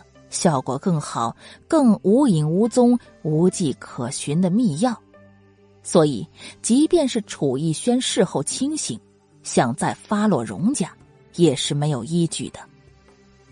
骆老夫人长长的叹了口气，像是有几分庆幸的对云柯说道：“好在这些年，你跟在蓝衣师傅那边，不然啊。”我该如何向你那死去的娘亲交代？洛老夫人的意思是，好在云柯不是由荣巧教养长大，不然呀，这性子还不定得成什么样呢。云柯敛眉浅笑，心里明白，这老夫人自是相信他刚刚的话，并打算接过此事了。姨娘很好，只是急功近利了些。云柯故作惋惜，可洛老夫人听得却是皱紧了眉头。能不急功近利吗？对一心扶持他的荣家大房，都能下得去如此的手，那定国侯府里，他又得有多大的胆儿呢？洛老夫人心下又多了几分不悦，这份不悦在云柯回了锦院。云玉前来要求见荣巧时，达到了最高值。娘，你为何如此发怒啊？明明是哪里有王爷不顾场合宠幸了将军府的丫头，你为何要责怪到巧儿头上？云玉觉得这事儿根本就与荣巧无关，他也是男人，自然能明白六王爷看中将军府丫头，进而宠幸的想法。那琉璃他也见过的，生的的确是极为貌美，六王爷逃不过他的诱惑也是应该呀。第四十七集，玉儿，小荣氏并没有你想的那么简单，你日后切不可再如此信任他。你看看他把商姐都教成什么样了。这世上没有一个娘亲喜欢自己辛苦养大的儿子在自己面前大肆宣扬媳妇的好，何况这个儿媳妇还是给自家丢了脸的人。可云玉不这么认为啊，他觉得荣巧的温柔小意极合他的胃口，而且云商他也没觉得有什么不好，于是便直觉的反驳老夫人的话。娘，少儿怎么了？儿子觉得挺好的，天真娇憨，这样的性子才更纯真，不是？胡闹！我定国侯府出来的姑娘，岂能靠天真娇憨嫁人？说好听点是娇憨，说不好听点就是愚蠢。这样的人，岂不是丢我定国侯府的脸？骆老夫人一想到云裳明明一个庶女，却当着人家荣老夫人的面指责其不公平，她就觉得臊得慌。那得多大的脸，才敢要求跟科尔同样的待遇呀？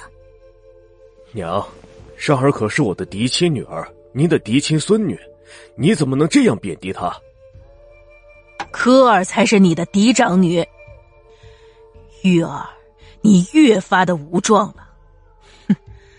这小荣氏还真是好手段呢。洛老夫人也是气急反笑了，见云玉不服气，又想再争辩，她便干脆挥手让云玉回三房去，免得他看了心烦。福寿堂里发生的这一幕传到云客耳里时，他只是随意的笑笑，便了事。对于云玉这个爹，他向来没抱任何的希望。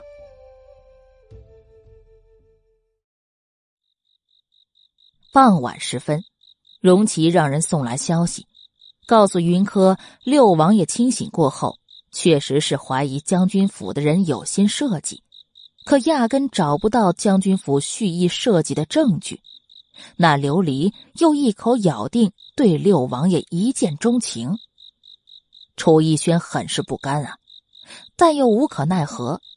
文武百官都看着，最后只得命人当天将琉璃抬去了宫里。将军府二房则是将琉璃的卖身契交给了六王爷。这还不算呢，荣琪派来的人还特意告诉云柯，大将军府很生气，便命人找来工匠，在西院加了一堵围墙。以后二房算是自立门户，不算在将军府范畴了。得到这个消息，云柯心里的石头终于是落了下来。晚饭吃的特别的舒心。晚饭过后，一身新衣裳的白嬷嬷敲响了定国侯府的大门。与他一起的还有将军府大夫人身边的陈嬷嬷。荣老夫人担心外孙女初出回府不懂京城礼仪规矩，所以特意送了府里的老嬷嬷前来协助。骆老夫人得到消息，便让人直接将白嬷嬷领去了锦院。即便是后来有人发现此白嬷嬷像极了之前三夫人身边的那个陪嫁嬷嬷，白嬷嬷也都是极为淡定的告知。她们姐妹同根，都是将军府的家生子，只有云柯和韩秋、韩月知道，这本就是一个人，是他请大舅母和外祖母帮的一个小忙，给白嬷嬷一个重新回到锦院的机会。伤好的冯嬷嬷见到白嬷嬷时大惊失色，准备去向荣巧汇报，却被告知。巧夫人正在祠堂禁足，没有老夫人的命令，任何人不得见。冯嬷嬷叹息一声，感觉三房的天似乎要变了。翌日清晨，李氏便来三房找云柯，想从云柯嘴里套出一些当天他没听到的八卦。一同来的还有大堂姐云芝。柯姐儿，昨日可是发生了什么不得了的事情？为何你祖母回来就将荣巧给关到了祠堂里？李氏笑得和煦，但眼里的金光却是毫不避讳。云柯浅浅一笑，避而不答。祖母只是一时之气，等她气消了，姨娘便能出来了。李氏见没套到话，有些不高兴。悻悻的望了云柯一眼。是君言讲故事第四十八集。娘，三妹妹说的对，祖母宅心仁厚，不过一时之气而已。等她气消了，巧姨娘自然就可以出来了，我们就不用担心了。云芝暗中拉了李氏一把，然后顺便朝他眨了眨眼。母女两个算是交换了一个眼神，而这一切云柯都看在眼里，只是收敛的很好，静候着云芝接下来的话。三妹妹可知后来将军府前院的那起子闹剧最终如何解决的？果然不出云柯所料，云芝跟他娘打了一会儿太极，便直奔主题问起六王爷宠幸丫头的事情来。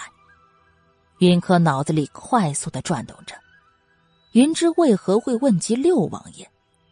只是简单的好奇，还是说有所图谋呢？不知道大姐姐说的是指何事呢？我一直在后院，并不曾去过前院呢。云芝像是有些不满意云柯的装傻，又急于知道事情的经过和结果，当即便提高了几分音量，问道：“哎呀，我说的自然是六王爷宠幸将军府丫头的事情啊！”简云柯瞪大了眼睛，他自觉失仪。但又确实想从云柯这儿知道个后续发展。且不说云柯是跟着祖母回府的，就单凭她是荣府外孙女这一条，想来消息就会比他们更具有时效性。云芝说完之后，便睁着一双美目，认真的看着云柯，等候他的答案。大姐姐可是觉得六王爷龙章凤姿？气度非凡。云柯转动着大眼睛，问的随意。那当然。见云柯正若有所思的看着他，云芝又赶紧解释道：“六王爷天人之姿，自然是让人敬仰。三妹妹，这话是何意？”云柯摇摇头，心里想的却是：难不成？云芝心仪上了那楚逸轩，可明明上一世云芝跟一寒门学子私定终生，得不到侯府的同意，便直接跟人私奔了的。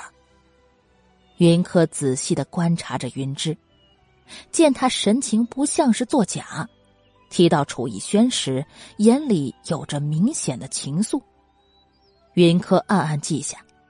见云芝再次催促，想知道昨日之事的结果，而李氏也并没有阻拦的意思，心里便明白了几分。听白嬷嬷说，那琉璃丫头昨日就被抬进宫了。白嬷嬷昨日进府，从她嘴里得知，并不会让人觉得突兀。云柯说完，便见云芝满目憎恨。眼底似乎还有些许的惋惜，云客决定再加把火。啊，大姐姐跟那秦大小姐可是关系要好。嗯，我跟秦姐姐关系很好。见云柯问到秦如，云芝多了几分得意。李氏也在一旁补充：“你大姐姐跟秦大小姐被人称为京城双姝呢。”那大姐姐得空可要好好祝贺秦大小姐呢。昨日秦大小姐得六王爷相救，才幸免于难，女儿家的名声可重要了。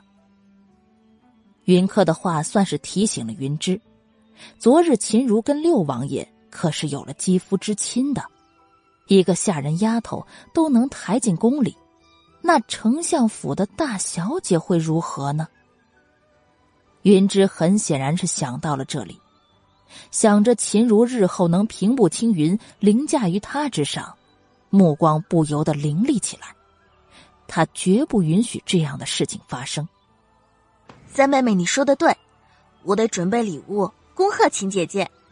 云芝说着，便将李氏给一把拉走，那急切的模样丝毫没有了大家嫡女该有的风范。云柯的目光却是再一次冷了下来，有些事情，他似乎在前世就忽略了。看云芝刚刚这一系列举动，就知道绝非是寒门学子能满足的人。那么，这中间自己到底是遗漏了什么呢？是君言讲故事第四十九集。见李氏和云芝母女两个急匆匆的走出锦院，云柯召来白嬷嬷，要她时刻注意盯着大房云芝母女的动静。小姐，放心。老奴懂的。白嬷嬷过去那些年虽是在锦院里装疯，但她自有自己的人脉和渠道，所以云柯并不担心。白嬷嬷点点头，表示自己知道了。出门时正好碰上韩月，见他一脸的不高兴。白嬷嬷回头，见小姐并没有注意到韩月的异样，当即便一把将韩月给拉到一边。轻声问他：“你这是怎么了？不要把情绪带到小姐面前来。”韩月咬了咬唇，见小姐此时正认真的打理着窗前的盆栽，心无旁骛的样子，韩月更是愤愤难平，于是压低着声音跟白嬷嬷说道：“唉，你说三王爷也真是的，小姐都回来都这么多天了。”可他一天也没来看过我们小姐，芍药院那里稍稍透个信他就去了，明明我们小姐才是嫡出小姐的。云柯又怎么可能真的没有听见韩月的声音呢？他浇花的动作一顿，对这些并不太在意。前世他回府后，听有容巧的话，住在偏僻的西院，一年到头也就见过那么一两次父亲。而且每次都是家里有大型聚会的时候，也是从前世开始，他便知道云玉不喜他，但就是这样一个不喜他的人，最后为了让云商入主六王府，却是亲自求到了他的面前。云柯低头冷笑几声，这样的人不配称为他的父亲，他不打扰他，再好不过了。此时，芍药院里，云裳躺在床上，故意哼唧着。不仅如此，还要斐儿守在门口，看他爹来了没有。小姐，快快快，三爷来了，快躺好。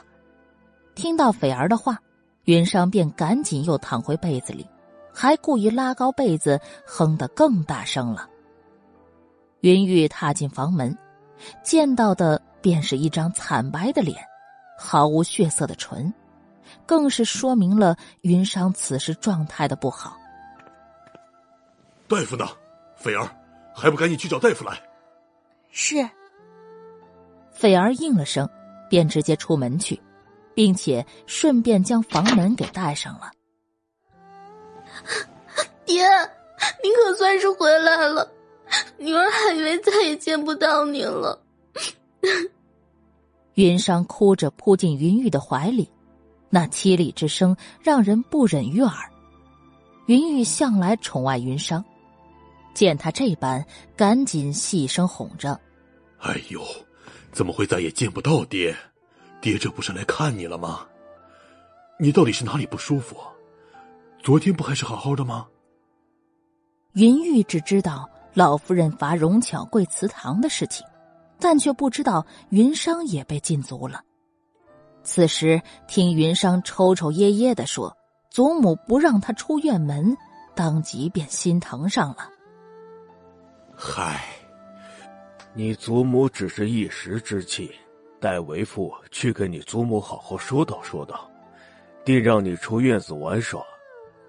为父的伤脚儿可正是活泼爱玩的年纪呢，哪能这样拘着？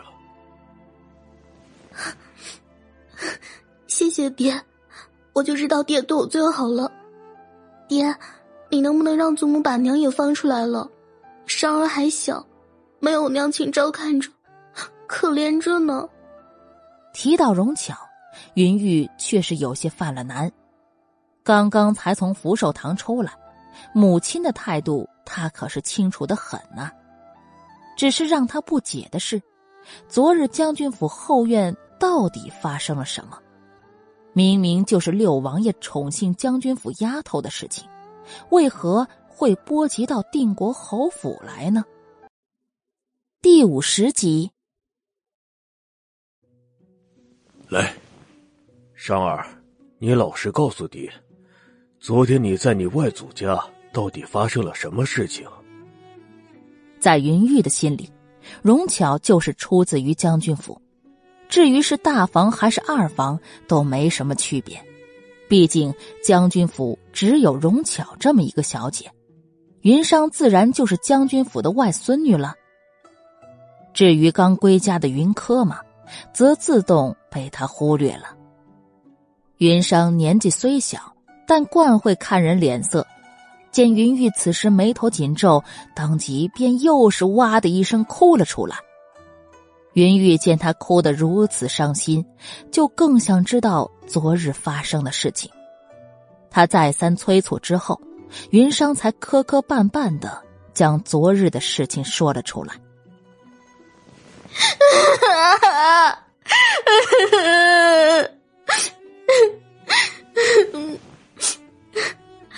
昨日我和娘亲、三姐姐一起去外祖家拜寿。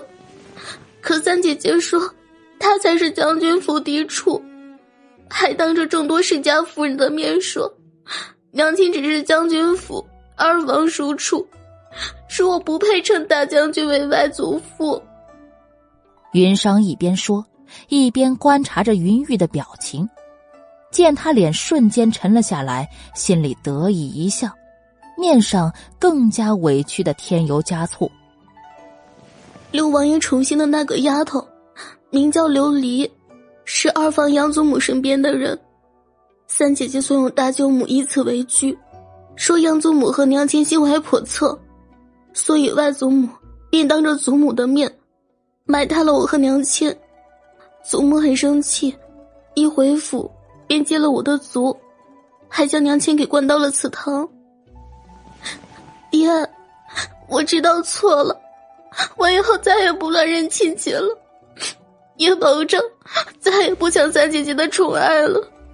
那是他的舅舅和外祖母，我再也不跟他争了。你让外祖母把娘亲放出来好不好？珊儿好怕再也看不到娘亲。云裳哭得一把眼泪一把鼻涕的。一双小手更是紧紧的揪着云玉的衣襟，仿佛将她当成了救命稻草。云玉此时只觉得所有的怒气都往头顶上冲。他向来崇尚礼仪之道，那孽女竟敢欺长凌弱，看他不好好收拾他。这么想着，云玉便直接拉开云裳，然后大步朝锦院走去。锦院里，云柯正静静的看书呢。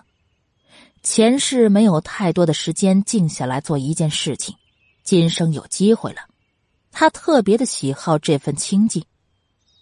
寒秋寒月守在门外，也不敢随意打扰。云玉气势汹汹的进来，寒月想拦，却被他给狠踢了一脚。云柯听到声响，抬起头来。目光冰凉的看向云玉，孽女，你那是什么眼神？见了父亲不行礼，兰姨这些年没教你这些最起码的礼仪吗？刚跨过门，便被云柯那沁凉的眼神盯着，云玉瞬间觉得透心凉。眼前的少女明明还不到及笄之年，可那眼里的威压却丝毫不弱。云玉不愿意多想，他只当是云柯这些年在深山长大，所以性子不讨喜罢了。却见云柯冷嘲一笑：“礼仪，那是用来应对文明礼仪之人的。对于一个斯文败类，那完全用不上。”放肆！我可是你爹。云柯冰冷的目光如同冰刀般。刀刀戳在云玉的身上每处，出身定国侯府，且身为老夫人的幺儿，有些连大哥定国侯都没有的特例，都只有他才能享受。长这么大，还从来没有人敢这样的顶撞他。今天，却被这个从未寄托希望的孽女给对了回来，云玉岂会甘心呢？一张嘴便想以孝道来镇压云柯，可是云柯听了他的话后，脸上讽刺的笑意。却是越发明显了几分。爹，那是什么玩意儿啊？我云柯有吗？第五十一集。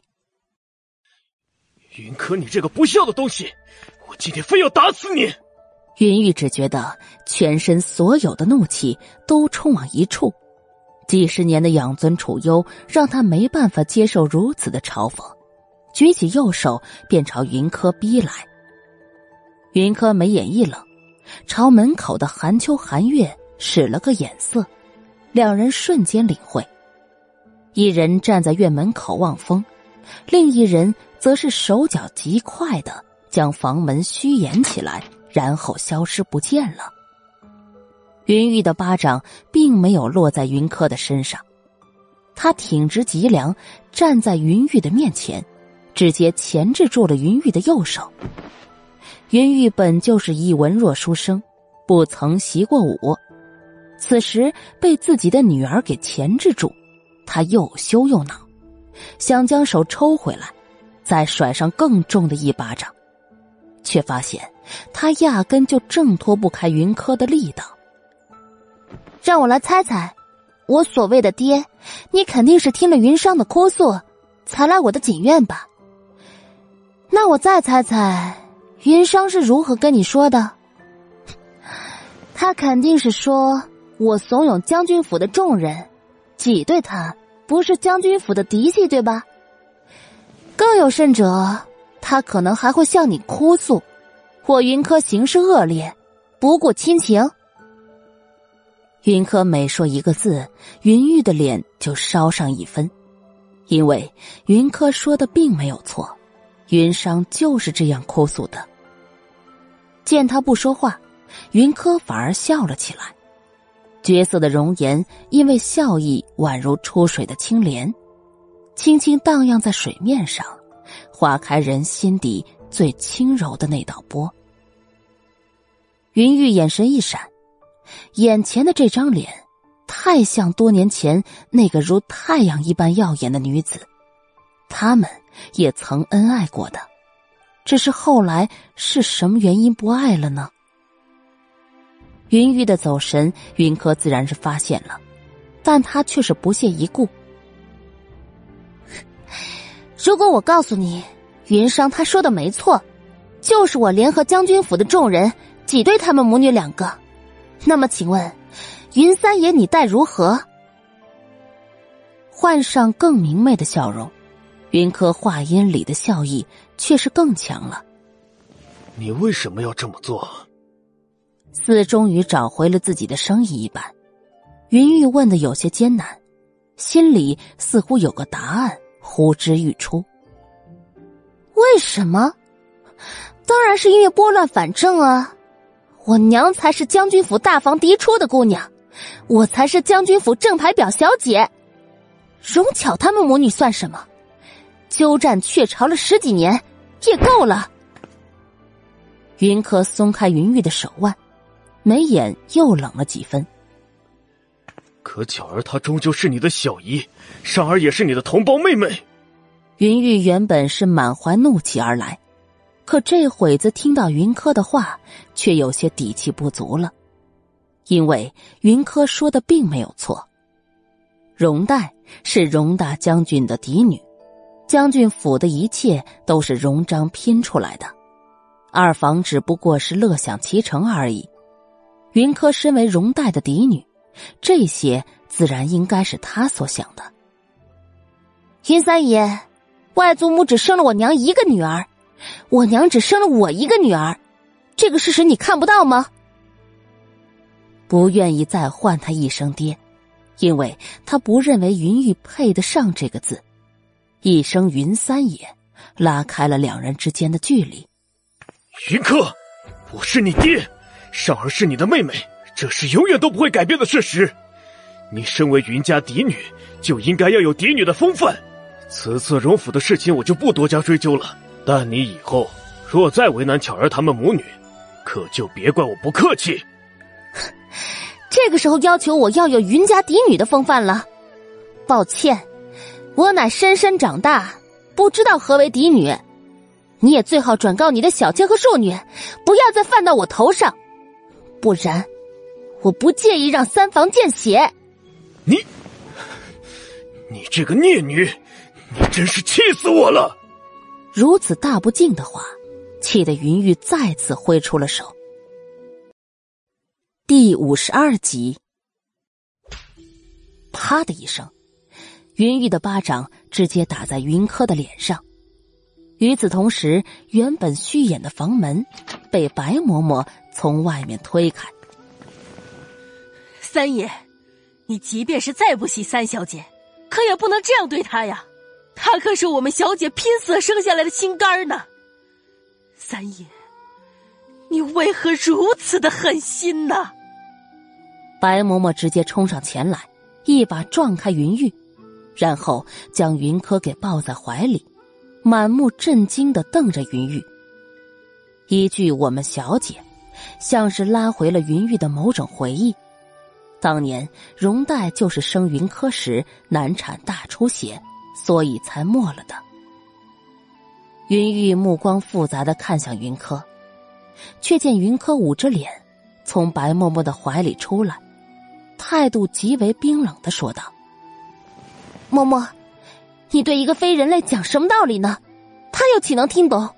云柯，云玉怒气再起，可云柯却只是转过身来往前走了两步，更靠近他几分，抬头清冷的问他：“云三爷，可是觉得这一巴掌还不够啊？需要再补充一巴掌？”云玉竟被他眼里的冰冷给害得后退两步，这样的云柯太过陌生，也太过害怕。一瞬间，云玉竟然有些心慌，转身落荒而逃了。看着云玉那仓皇的步子，云柯眼底冰冷一片。不管前世还是今生，他都没办法想明白一个问题：容黛，也就是他娘亲。当初那个被先帝称赞文武双全的女子，为何会选择这样一个懦弱无能的渣渣？小姐，你没事吧？啊？哎呀，你这又是何必呢？你要惩罚恶人，自有上百种方法呀。这样自损的方法，不值当呀。白嬷嬷吩咐韩秋、韩月去拿冰敷来。嘴里则是念叨着云柯，那心疼的模样让云柯心里暖和了几分。嬷嬷昨日在侯府住了一晚，可还习惯？您可是外祖母特意派人送来的，今日怎么也要代替我去将军府谢个恩的？云柯笑吟吟的说着。白嬷嬷可是进营后院数十载的人，自然明白他话中的意思。小姐放心。老奴这就回将军府替你向老太太谢恩。白嬷嬷匆匆而去，韩月替云柯敷脸，韩秋则在一旁调配药物。小姐，三姨太也真狠得下手。小姐如此娇嫩的皮肤，只要是真的有个什么……想着，韩月便有些心疼，一边拧帕子，一边掉眼泪。云柯见他那模样，不由沈笑：“ 傻丫头，只不过是一个巴掌而已啊。前世砍头他都经历过了，还怕这么一个巴掌吗？他有意让云玉打这一巴掌，但后果就要云玉自己来承担了。这一世敢欺他的人，可不能轻饶啊！”新的一天。将军府大夫人荣陈氏上门拜访，福寿堂里，荣陈氏示意身边人送上一株极品玉珊瑚，然后才将来意道明。郡主明鉴，前日因为府里下人招待不周，让郡主看了笑话。今日妾身特意奉了母亲之命，上前来给郡主请罪。荣臣氏说话有理有据，洛老夫人听得很舒坦，但心里也有些诧异。按理来说，前日将军府的事情，将军府即便是要致歉，也不该由荣臣氏亲自来呀。骆老夫人一边与荣臣氏寒暄着，一边静听着荣臣氏接下来的话。果然，荣臣氏聊了一会儿后，便向洛老夫人请求，说是要见见。是君言讲故事。第五十三集。原本如果荣臣氏要看云柯，自是可以直接去锦院就行，但现在荣臣氏却偏偏要在他这里过明路，而且看架势打算在这福寿堂里相见。洛老夫人心里意外的同时，也不得不感叹：荣臣氏这是在给他脸。也代表了荣臣氏对他足够的尊重。洛老夫人难免的将自家长媳与荣臣氏做了一番比较，发现荣臣氏即便是出身将门，但人情世故方面丝毫不差。心里欣赏的同时，便让张嬷嬷直接去锦院请三小姐过来相见。张嬷嬷回来的很快。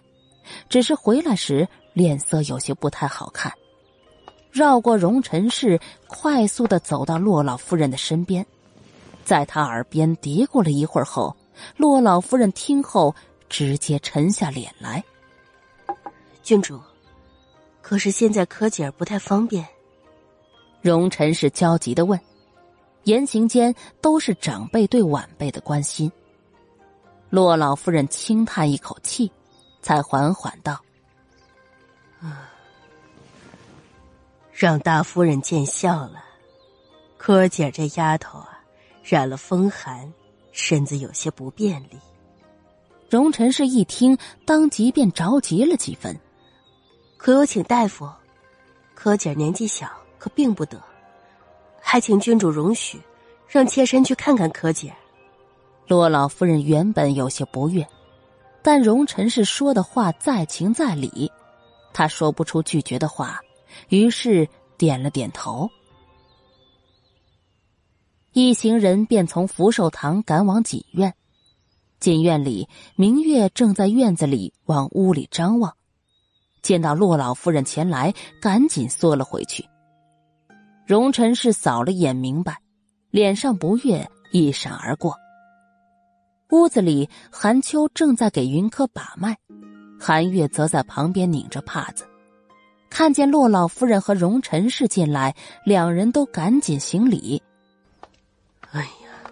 快别管这些虚的了，柯姐这是怎么了啊？这好好的，怎么就病得这般严重了？洛老夫人推开张嬷嬷来搀扶的手，上前几步，坐在云柯的床上。然后伸手探向云柯的额头，云柯听到说话声，转过脸来，脸上那个明显的五指手印就这么明晃晃的落在众人的眼里。祖母，未雨先落泪，小姑娘巴掌大的小脸上满是委屈。骆老夫人当即便怒上心头，冷眼质问韩秋、韩月：“这是怎么回事？”回老夫人的话，昨日三爷气冲冲的来锦院，斥责小姐在将军府时不应该不管巧姨娘和四小姐的死活，还说，还说小姐不顾尊长，她没有这样的女儿。小姐辩解说巧姨娘。并非大房所出，四小姐只是庶女。三爷一时生气，所以就动手打了小姐。韩秋沉稳冷静的语调在屋子里响起，不偏不倚，但也最能击中人心。洛老夫人见荣臣是明显的一脸怒容，当即便抢在他面前斥责韩秋：“这样的事情，怎么没听人来福寿堂禀告一声？”小姐说：“三爷是长辈，更是他的嫡亲父亲，总不会害他的。虽说因为巧姨娘和四小姐的事情责怪他，但毕竟虎毒不食子。”她是做女儿的，受着就好。奴婢有心来福寿堂，可小姐不让。之前因为烟波琉璃裙的事情，四小姐咄咄逼人，小姐就受了一肚子的委屈，郁结在心，才让风寒入体。韩秋的话，字字句句丝毫不见对云玉的埋怨，更多的是体谅和理解。洛老夫人心头的怒气却是越积越盛啊！志君言讲故事第五十四集。那个孽子在哪儿？把他给我叫来！洛老夫人大吼了一声，张嬷嬷便赶紧吩咐人去找三爷云玉来。郡主，柯姐自小生母早逝。又不在京城长大，荣府一门怜他爱他，却不想他在侯府。大夫人放心，此事定会给荣家一个交代。洛老夫人又岂会看不出荣臣氏的言外之意？心里多少有几分明白，想来定是荣府知道柯姐儿病了，所以想为柯姐儿讨要说法来了。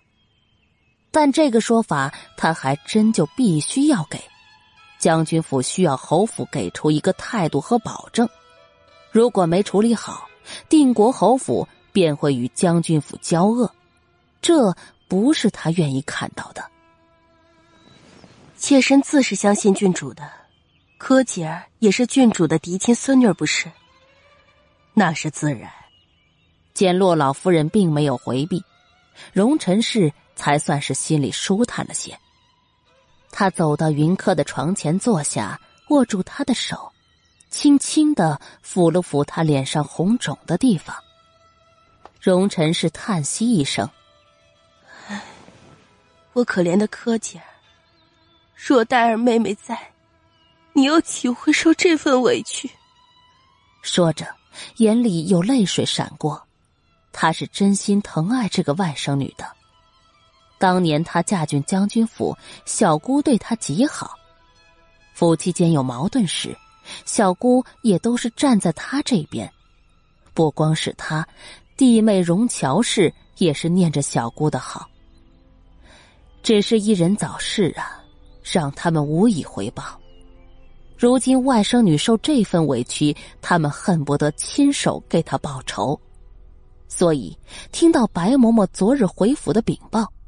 整个将军府的人都气得不行，他更是亲自来侯府讨要公道。荣臣氏的话仿佛一个响亮的巴掌打在洛老夫人的脸上，但偏偏他还不能斥责半句。满肚子的火在云玉前来锦院时得到了宣泄口，云玉又如何能想到呢？他不过是到锦院斥责几句，最后就会惊动到将军府。而且听荣臣氏那话的意思，这事儿连他那老岳父荣章都是十分的震怒。云玉感觉有满心的怒火，不知道朝何发泄。他训自己的女儿，怎么就引来了这么多的骂名呢？想他平日心气极高。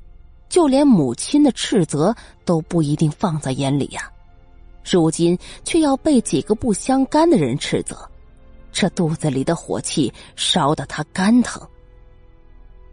荣臣是见他这不知悔改的模样，当即也是怒气十足，眼看着战争就要扩大化，最后还是云柯将荣臣是劝住了，只是这劝。却增加了几分技巧性，比如，舅母放心，三爹他对我真的很好，是我不对，我不应该当众揭穿巧姨娘非将军府嫡系血脉的事实。果然，荣臣是怪笑道：“这事儿怎么能怪你？将军府本来就没有容巧母女位子。想来郡主和云三爷还不知道，两日前，锦二爷一家已经自立门房了。将军府旁边的荣宅就是他们的新住宅。”云玉只觉得。荣臣是看自己的目光怪异的很，想着到时候朋友们会知道荣巧并不是出身将军府嫡系，而是白身的荣宅，他心里就觉得极为窝火。好不容易等到荣臣是终于告辞离开，云玉没有多看云柯一眼，便直接去了祠堂。看守祠堂的老婆子是洛老夫人的人。但也不敢拦云玉。云玉进了祠堂，见荣巧正跪在牌位前，那模样形单影只，着实有几分可怜呢。但想到自己今日所受的气都是这个蠢妇人做出来的，他体内的怒火也就更为旺盛。是君言讲故事第五十五集。蠢货，知道自己的身份就应该老实点。谁让你去招惹将军府那群蛮子的？是的，蛮子，在云玉看来，将军府就是一群蛮子。他也一直将荣家大房和二房区分的很清楚。荣锦虽是白身，但性子与他相投，两人关系不错。但大将军荣章不一样啊。当年荣代嫁进侯府开始。荣章就一直看不上他这个女婿，哪怕是到了今天，依旧如此。前几日的寿宴上，荣章更是连多看他一眼都没有。这样的人家，云玉自是不喜的。以前甚至想着，若不是因为忌惮将军府的权势和地位，他定不会多加来往走动。但今日荣臣氏那些似是而非的话。却让他有些恐慌。如果将军府真不跟他来往走动了，那他一定会沦为京都的笑柄，这不是他想看到的。这种矛盾的心情让他此刻愤怒异常，哪里还有半分如意公子的模样，更像极了凶神一座。荣巧跟在云玉的身边十几年，自认对云玉的性子极为了解。此时见他这样，再想起之前锦院里送来的消息，便明白了几分。老爷可是吃了我大嫂的挂落。定国侯府的人叫云玉三爷，但唯独荣巧是唤老爷。云玉曾问这是为何，当时荣巧说他是大家的三爷，却只是他一个人的老爷。此时听荣巧再唤老爷。云雨当时的悸动又上来几分，瞪向荣巧的目光稍稍柔和了几分。对荣巧的开门见山，也并没有太多的恼怒。见云玉不说话，荣巧自认猜对了，起身走向云玉，挽着他的手臂，如小女人一般轻轻的晃了晃。巧儿是什么身份？巧儿明白。只是没想到，还是牵挂了老爷。巧儿有罪。只是让巧儿没想到的是，三小姐，她明明是老爷的嫡亲女儿，是定国侯府的嫡小姐，可为何却要事事向将军府汇报呢？这知道的，只当她是跟外祖家关系好；不知道的。还以为是胳膊肘往外拐呢。若在平时，云玉定是要斥责他一番的，但今天他才刚刚被荣臣是讽刺，此时荣巧的话可谓是他心情的真实应景。只见荣巧又说：“老爷，你也别怪三小姐，想来，她定是觉得将军府更亲近罢了。荣巧的话再次提醒了云玉，女儿跟外祖家亲近的事实，心里的不悦也越发浓厚。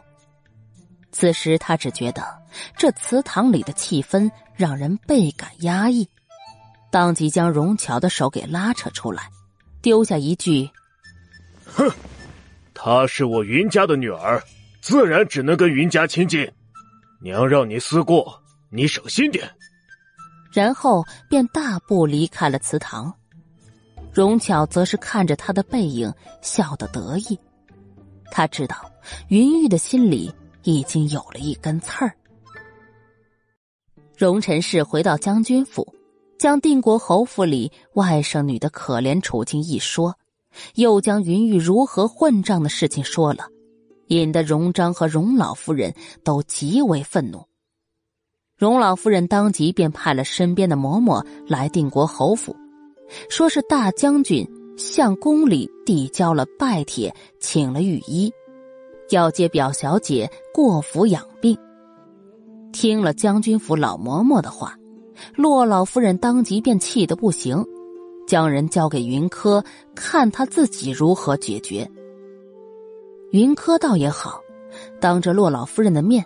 拒绝了老嬷嬷接他去将军府养病的提议，只说等自己病好后，愿意去将军府小住几日，还望到时候祖母批准。这样退而求次的要求，洛老夫人自然是要同意的，毕竟孙女全了定国侯府的脸面。是君言讲故事。第五十六集，云玉离开祠堂后，却是直接去了城中最热闹的酒坊。他平时好酒，但并不酗酒，但今日烦恼事情多，却是想一醉方休。直接叫了好几坛的酒，云玉便开始喝，心里想的是他教训自己的女儿，为何将军府要插手，而且还施压呢？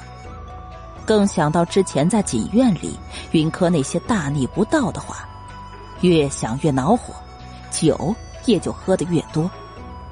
朦胧之际，似乎看到了一张有些熟悉的脸，那人笑呵呵的称呼他为云三爷，然后推杯交盏，你来我往的又喝了几坛酒。他将心里的烦心事都给倾诉出来，便觉得心里好受多了。对方也只是静静的听着，偶尔会问上几个小问题。云玉觉得这完全没毛病，直到完全醉死过去。定国侯府的三房，因为荣巧的贵祠堂、云商的禁足以及云客的生病，变得安静而沉寂。白嬷嬷在最短的时间里掌握了锦院，摸清了哪些人可用，哪些不可用。三日后，云客的身子总算是好彻底了，将军府的帖子也直接送到了他的手里。云柯带着将军府的帖子去了福寿堂。洛老夫人半眯着眼睛，观察了云柯好久，最后却也只叮嘱了几句注意安全之类的话，便同意了云柯去将军府小住的请求。回帖传到将军府。荣老夫人很是高兴，当即便吩咐荣陈氏将最向阳的仙云阁收拾出来给云柯入住。荣乔氏则是打趣老夫人，说是只疼外孙女不疼孙子，逗得老夫人呵呵笑的同时，让人去将荣琪给揪回来。去告诉齐哥，要他明日里。去定国侯府接他科儿妹妹。老夫人发话，下人岂有不从的道理？消息传到荣琪耳朵里，他正在京城最大的青楼里喝酒品香。下人传来的话，让他激动的险些从椅子上栽下来。小爷知道了，明天保准早早的去。大手将下人挥退，荣琪的心情大好。想着可以每天见到粉粉嫩嫩的表妹，那感觉真的是妙极妙极呀！这么想着，嘴角的笑容更是止不住了。如果不想让本王把你丢下去，就尽管再笑。一个阴恻恻的声音响起，荣琪小身板一抖，他怎么就忘记这尊活佛也在？一时笑得太过得意，有些刹不住车了。别呀，王爷，求放过！我只不过是想到明天就可以天天见到科尔表妹，所以心情有些激动。嘿嘿嘿荣琪笑得像个地主家的傻儿子一般。将军府里向来都是铁血铮铮的男子纯爷们儿，即便是祖母和母亲，也都是上过战场的女汉子。好不容易家里要来个软萌萌的科尔表妹，他能不激动吗？祖父寿宴上，他就发现科尔小脸娇嫩无比，也不知道捏上去会是什么感觉，他一直没找到机会捏。等科尔住进将军府了，他的机会就多了，定是要好好捏捏的。这么想着，荣琪又傻笑开来。侯府狄小姐常住外祖家。楚天却听了荣琪的话，眼里极快的划过一抹幽光，印象里那张清冷无比的脸一下子变得清楚起来。明明就还是个丫头。可眼里的镇定和冷静却是让人意外。更让他记忆犹新的是，那小姑娘算计起人来时的狠劲儿。老六经将军府一事，只怕是好久都不能恢复元气了。而这一切，都是那个小姑娘一手促成。是君言讲故事，第五十七集。这么想着，楚天却竟有几分期待再看到那个姑娘，想看看她脸上除了不符合年纪的沉稳冷静外，还会有什么别样的情绪。荣吉不知道楚天阙心里所想，还以为他是质疑科尔行为不当，当即便忍不住替亲亲表妹解释道：“哎，定国侯府一家子太混蛋了。”科尔十年未归，他们一家人不但不懂得珍惜，甚至还虐待他。那云玉更是个渣渣，竟然动手打科尔，还害他大病了一场。祖母联系他，但让他来将军府住一阵，看有将军府给他撑腰，还有谁敢欺负他？荣琪说的义愤填膺，天知道，当他得知科尔在定国侯府受委屈时。心里第一时间想的便是上门去替他撑腰，可偏偏大伯母说他不适合出面。现在科尔终于可以来将军府了，他自然得好好表达关爱之情。与激动的荣琪不一样，楚天却脑子里想的却是：那小姑娘会乖乖的任由云玉打吗？真是怎么看都不像是被动挨打的人呀。哎呀，王爷，我不能再跟你喝酒了，我得回去收拾收拾，看我那儿有啥宝贝儿，可以送给科尔当见面礼的。寿宴那天，他并不知道那未曾见面的表妹会如此的讨喜，所以并没有准备。如今科尔跟他合眼缘，他自然得要好好表现。说着，荣琪便从窗户里跃下，在落到地上之前。还不忘朝附近的姑娘家们丢一大串秋天的菠菜，那自认潇洒的模样让楚天阙狠狠的抽了抽嘴。怎么都感觉像是这小子抢了他的风头。天刚刚亮，定国侯府门口就停了一辆大马车。马车外表看起来平淡无奇。唯有马车顶的雄鹰标志极为显眼。荣琪斜靠在马车旁，身后站着一队士兵，每个人都精神饱满，身形挺拔，那模样一看就知道非同凡响。云柯带着寒秋寒月出来时，看到的便是这样的一幕。有了前世的经验，云柯知道那一小队人马。肯定是外祖父荣章的近身亲兵，想来这次去将军府小住，定是外祖父也记挂在心的。能得外祖父一家如此厚爱，云柯心里温暖成片，眼眶里有些晶莹水润。走到马车前，轻轻的唤了一声“齐哥哥”。荣琪正百无聊赖呢，见亲亲表妹走来，当即便从马车上一跃而下。科儿，早啊！嗯，早。能不早吗？他只不过是刚起床，就被门房告知说是表少爷已经在门口等着了。他便让韩秋、韩月早些出门，反正行李早在昨晚就已经收拾好了。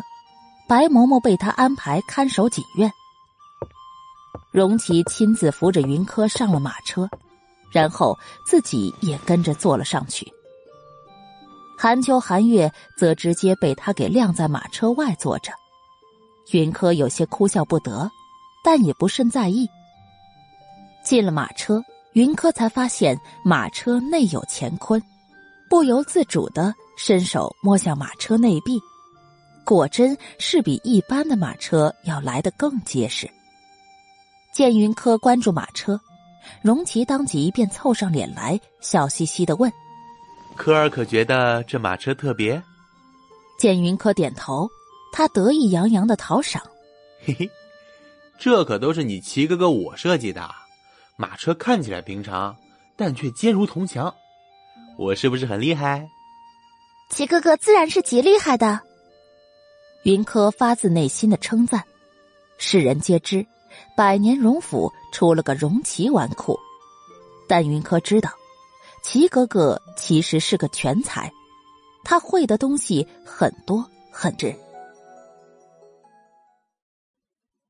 第五十八集，云柯到将军府里，将军府上到荣章，下到荣城，都齐聚松鹤院。听到下人禀报表小姐到了的时候，荣老夫人更是红着眼睛从座位上起身。云柯一进门便被他给搂到了怀里。外祖母的小心肝呐，真是苦了你呀！寿宴那天因为人多，荣老夫人克制着自己的情绪，没法跟云柯太亲近。可是才不过短短两天时间。便得知外孙女在侯府里受了委屈，老夫人哪里还忍得住呀？就差没有亲自上门去替外孙女讨要公道撑腰了。如今再见这讨人欢喜的小人儿，又哪里还忍得住啊？跟他一样情绪激动的，还有大将军荣章。他见老伴将外孙女给搂在怀里，也直接站起身来。走到二人的身边，沉声说道：“以后啊，就常住到将军府里，我看谁还敢欺负你。”荣章是实在的粗汉子，说话行事也向来都是直来直往。他此番这么说，想来也定是恼了定国侯府的。云柯从外祖母的怀里抬起头来。果然，便见到外祖父阴沉着脸，那模样倒不是在生他的气，而是在生定国侯府的气。谢谢外祖父、外祖母，科儿终究是侯府的女儿，能得他们如此宠爱，云柯觉得很满足。这次云玉的巴掌落在他的脸上，虽是他精心算计的。但云玉的行为也确实是让他寒了心。可即便是如此，他也不可能常住将军府的。不管是洛老夫人还是云玉，都不可能会同意。这些他明白。嗯，是侯府的女儿又如何？他们可要把你当嫡亲女儿看。云玉那混蛋，老子早就说过他不是个好的。可你娘当初偏偏……唉。提起妖女，荣章有太多的叹息。老夫人不知道想到了什么，神色也有些暗淡。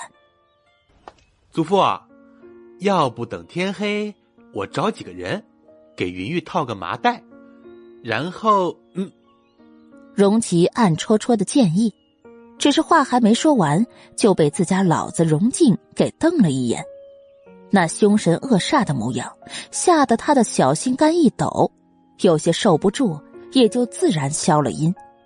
套麻袋太不文明了，我听说云主播最近食欲有些不济，且大理寺里事务繁忙，想来他最近应该没有太多的时间浪费在后院里了。不同于荣琪的简单粗暴，荣成略一思考便有了主意，而且说的慢条斯理的，一看就是文明人的做法。荣静虽不明白侄儿话中的意思，但还是坚持维护，觉得比起儿子的流氓行为来更高大上。瞧瞧，你大哥说的就是比你说的要高雅！哼，哎，不过，哎，成哥儿。你这话到底是何意思呀？作为一个大老粗，自小便不爱读书，所以对于咬文嚼字什么的，他真的不太在行。荣静觉得这并不丢人。荣成假咳两声，朝叔父笑得意味深长。荣琪则是一手扶额，表示不认识自家老子。看着这样的一家人，云柯却是有些憋笑不住。二舅不懂程哥哥的法子，他却是明白的。云玉任大理寺主簿，而程哥哥则是刚刚接任大理寺少卿，也就是说，他是云玉的顶头上司。因为伤害到了他这个表妹，所以程哥哥便决定暗中为难云玉，给他增加工作。这样的方法比起套麻袋来，的确是要更高明无形。是第五十九集，见表妹似乎明白了自己的意思，荣成的心情很美好，只是向来沉稳，所以并没有表现出来。荣静见侄儿打哑谜，摸了摸头，更不解了。回到位置上的荣章，却是手摸下巴，有些深思：“你大舅母早早的。”给你将千云阁收拾了出来，里面的所有布置摆设，他亲力亲为。你二舅母则是将千云阁里的下人敲打过了，你就安心的在将军府住下。荣老夫人拉着云柯细细的说着，云柯朝荣陈氏微微弯腰行了礼，以示感谢。前世里两位舅母也对他极好。事无巨细都安排的妥妥当当的。谢谢二位舅母。二舅母荣乔氏则是随意的摆了摆手，表示不用放在心上。祖母，我准备了好多新鲜玩意儿，想给科儿妹妹看呢。你能不能先把妹妹借我一会儿？见云柯眼睛红红的，荣琪就觉得自己似乎都有些心疼了。当即便要祖母要人，荣老夫人巴不得小辈们都欢欢喜喜的，当即便同意云柯跟荣琪一起去玩，只是不放心，又叮嘱了荣琪不得欺负妹妹之类的。花园里，荣琪和云柯两人并肩走着，韩秋、韩月和将军府的下人们远远的跟着。柯儿，你怎么了？可是有哪里不舒服？平日里号称百花丛中过，片叶不沾身的荣琪，此时却多了几分小心翼翼。云柯抬头，便看到他眼里的担心，有些自责自己太不经事。我没事，只是觉得太感动了而已。云柯最终还是没有说实话，他心里岂止是感动。更多的是内疚。前世，将军府也是如此倾心对他，可他却被楚逸轩那个混蛋欺骗，将整个将军府都拖累，最后更是连累的整个将军府无一生还。想到这里，他就觉得心口像是压一块大石头，沉重的让他有些透不过气来。荣琪眉头轻皱。科尔，这可不像是太感动才有的神色，但他也不点破。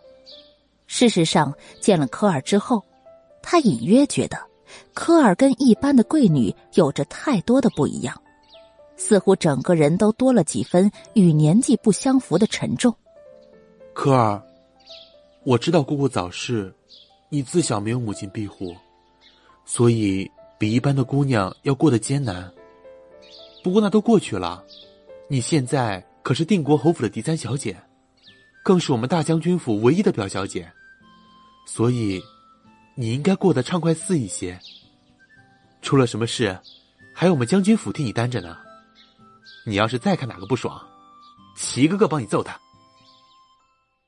荣琪只是觉得科尔哪怕是笑，都带着几分拘谨和沉寂，而这并不是他们一家人愿意看到的。十二岁的小姑娘就应该开心的大笑，畅快的活着。面对着荣琪灼灼的目光，云柯却觉得心里热血翻涌。他可以活得肆意畅快吗？他以为在经过那些血海深仇之后，他只能背负着心里的愧疚，蛰伏前行。可是现在齐格格告诉他，他可以肆意畅快的活着。是的，这一世一切都还没有发生。所以，他只要好好的经营，就一定可以避开那些事情的。此时正是阳光正好的时候，走在花园里，整个人身上都暖洋洋的。云柯似乎在这一刻才明白了重活一世的意义。重生，并不单单是报仇，更多的是好好活着。他云柯也可以随心而活。这样的一个认知突破，仿佛一道明媚的阳光照进了云柯的心里。他突然觉得心里轻松无比，整个人都似乎变得轻松活泼起来。是第六十集，齐哥哥，谢谢你，我明白了，过去是我太执着了。云柯温柔浅笑，然后诚心的向荣琪弯身一谢，吓得荣琪赶紧跳开，但随即又哈哈大笑。确认云柯眉间似乎真的亮堂起来，荣琪心情大好，说着说着便开始不正经起来。柯儿，你刚回京，有很多地方一定没去过，等安顿下来，哥带你去几个好玩的地方玩玩。云柯抬头，就看到了荣琪挑眉的动作，那明显的暧昧性词语让云柯秒懂。他怎么就忘了，这位齐哥哥可是京城里各大青楼的常客来着？所以，他这话的意思是要带他去逛青楼吗？云柯顿时有些哭笑不得，但随即心念起。故意凑近荣琪，小声的问他：“哎，齐哥哥，你说如果二舅母知道你的那些小据点，会怎样呢？”“嗯，呃，小柯，你可不能这样啊！哥哥，我可是好心开导你啊，你可不能去我娘面前揭穿我呀！”荣琪故意哀嚎，见云柯笑得一脸得意，顿时心情更好了。一路上将云柯逗得更欢，因为换了一种心境，更因为有荣琪这个开心果在，云柯开心的过了他来将军府的第一天。新的一天，云柯早起去松鹤院请安。可儿来，跟外祖母一起坐。昨夜睡得可还习惯？要是房里少了什么，直接跟你大舅母说就是了。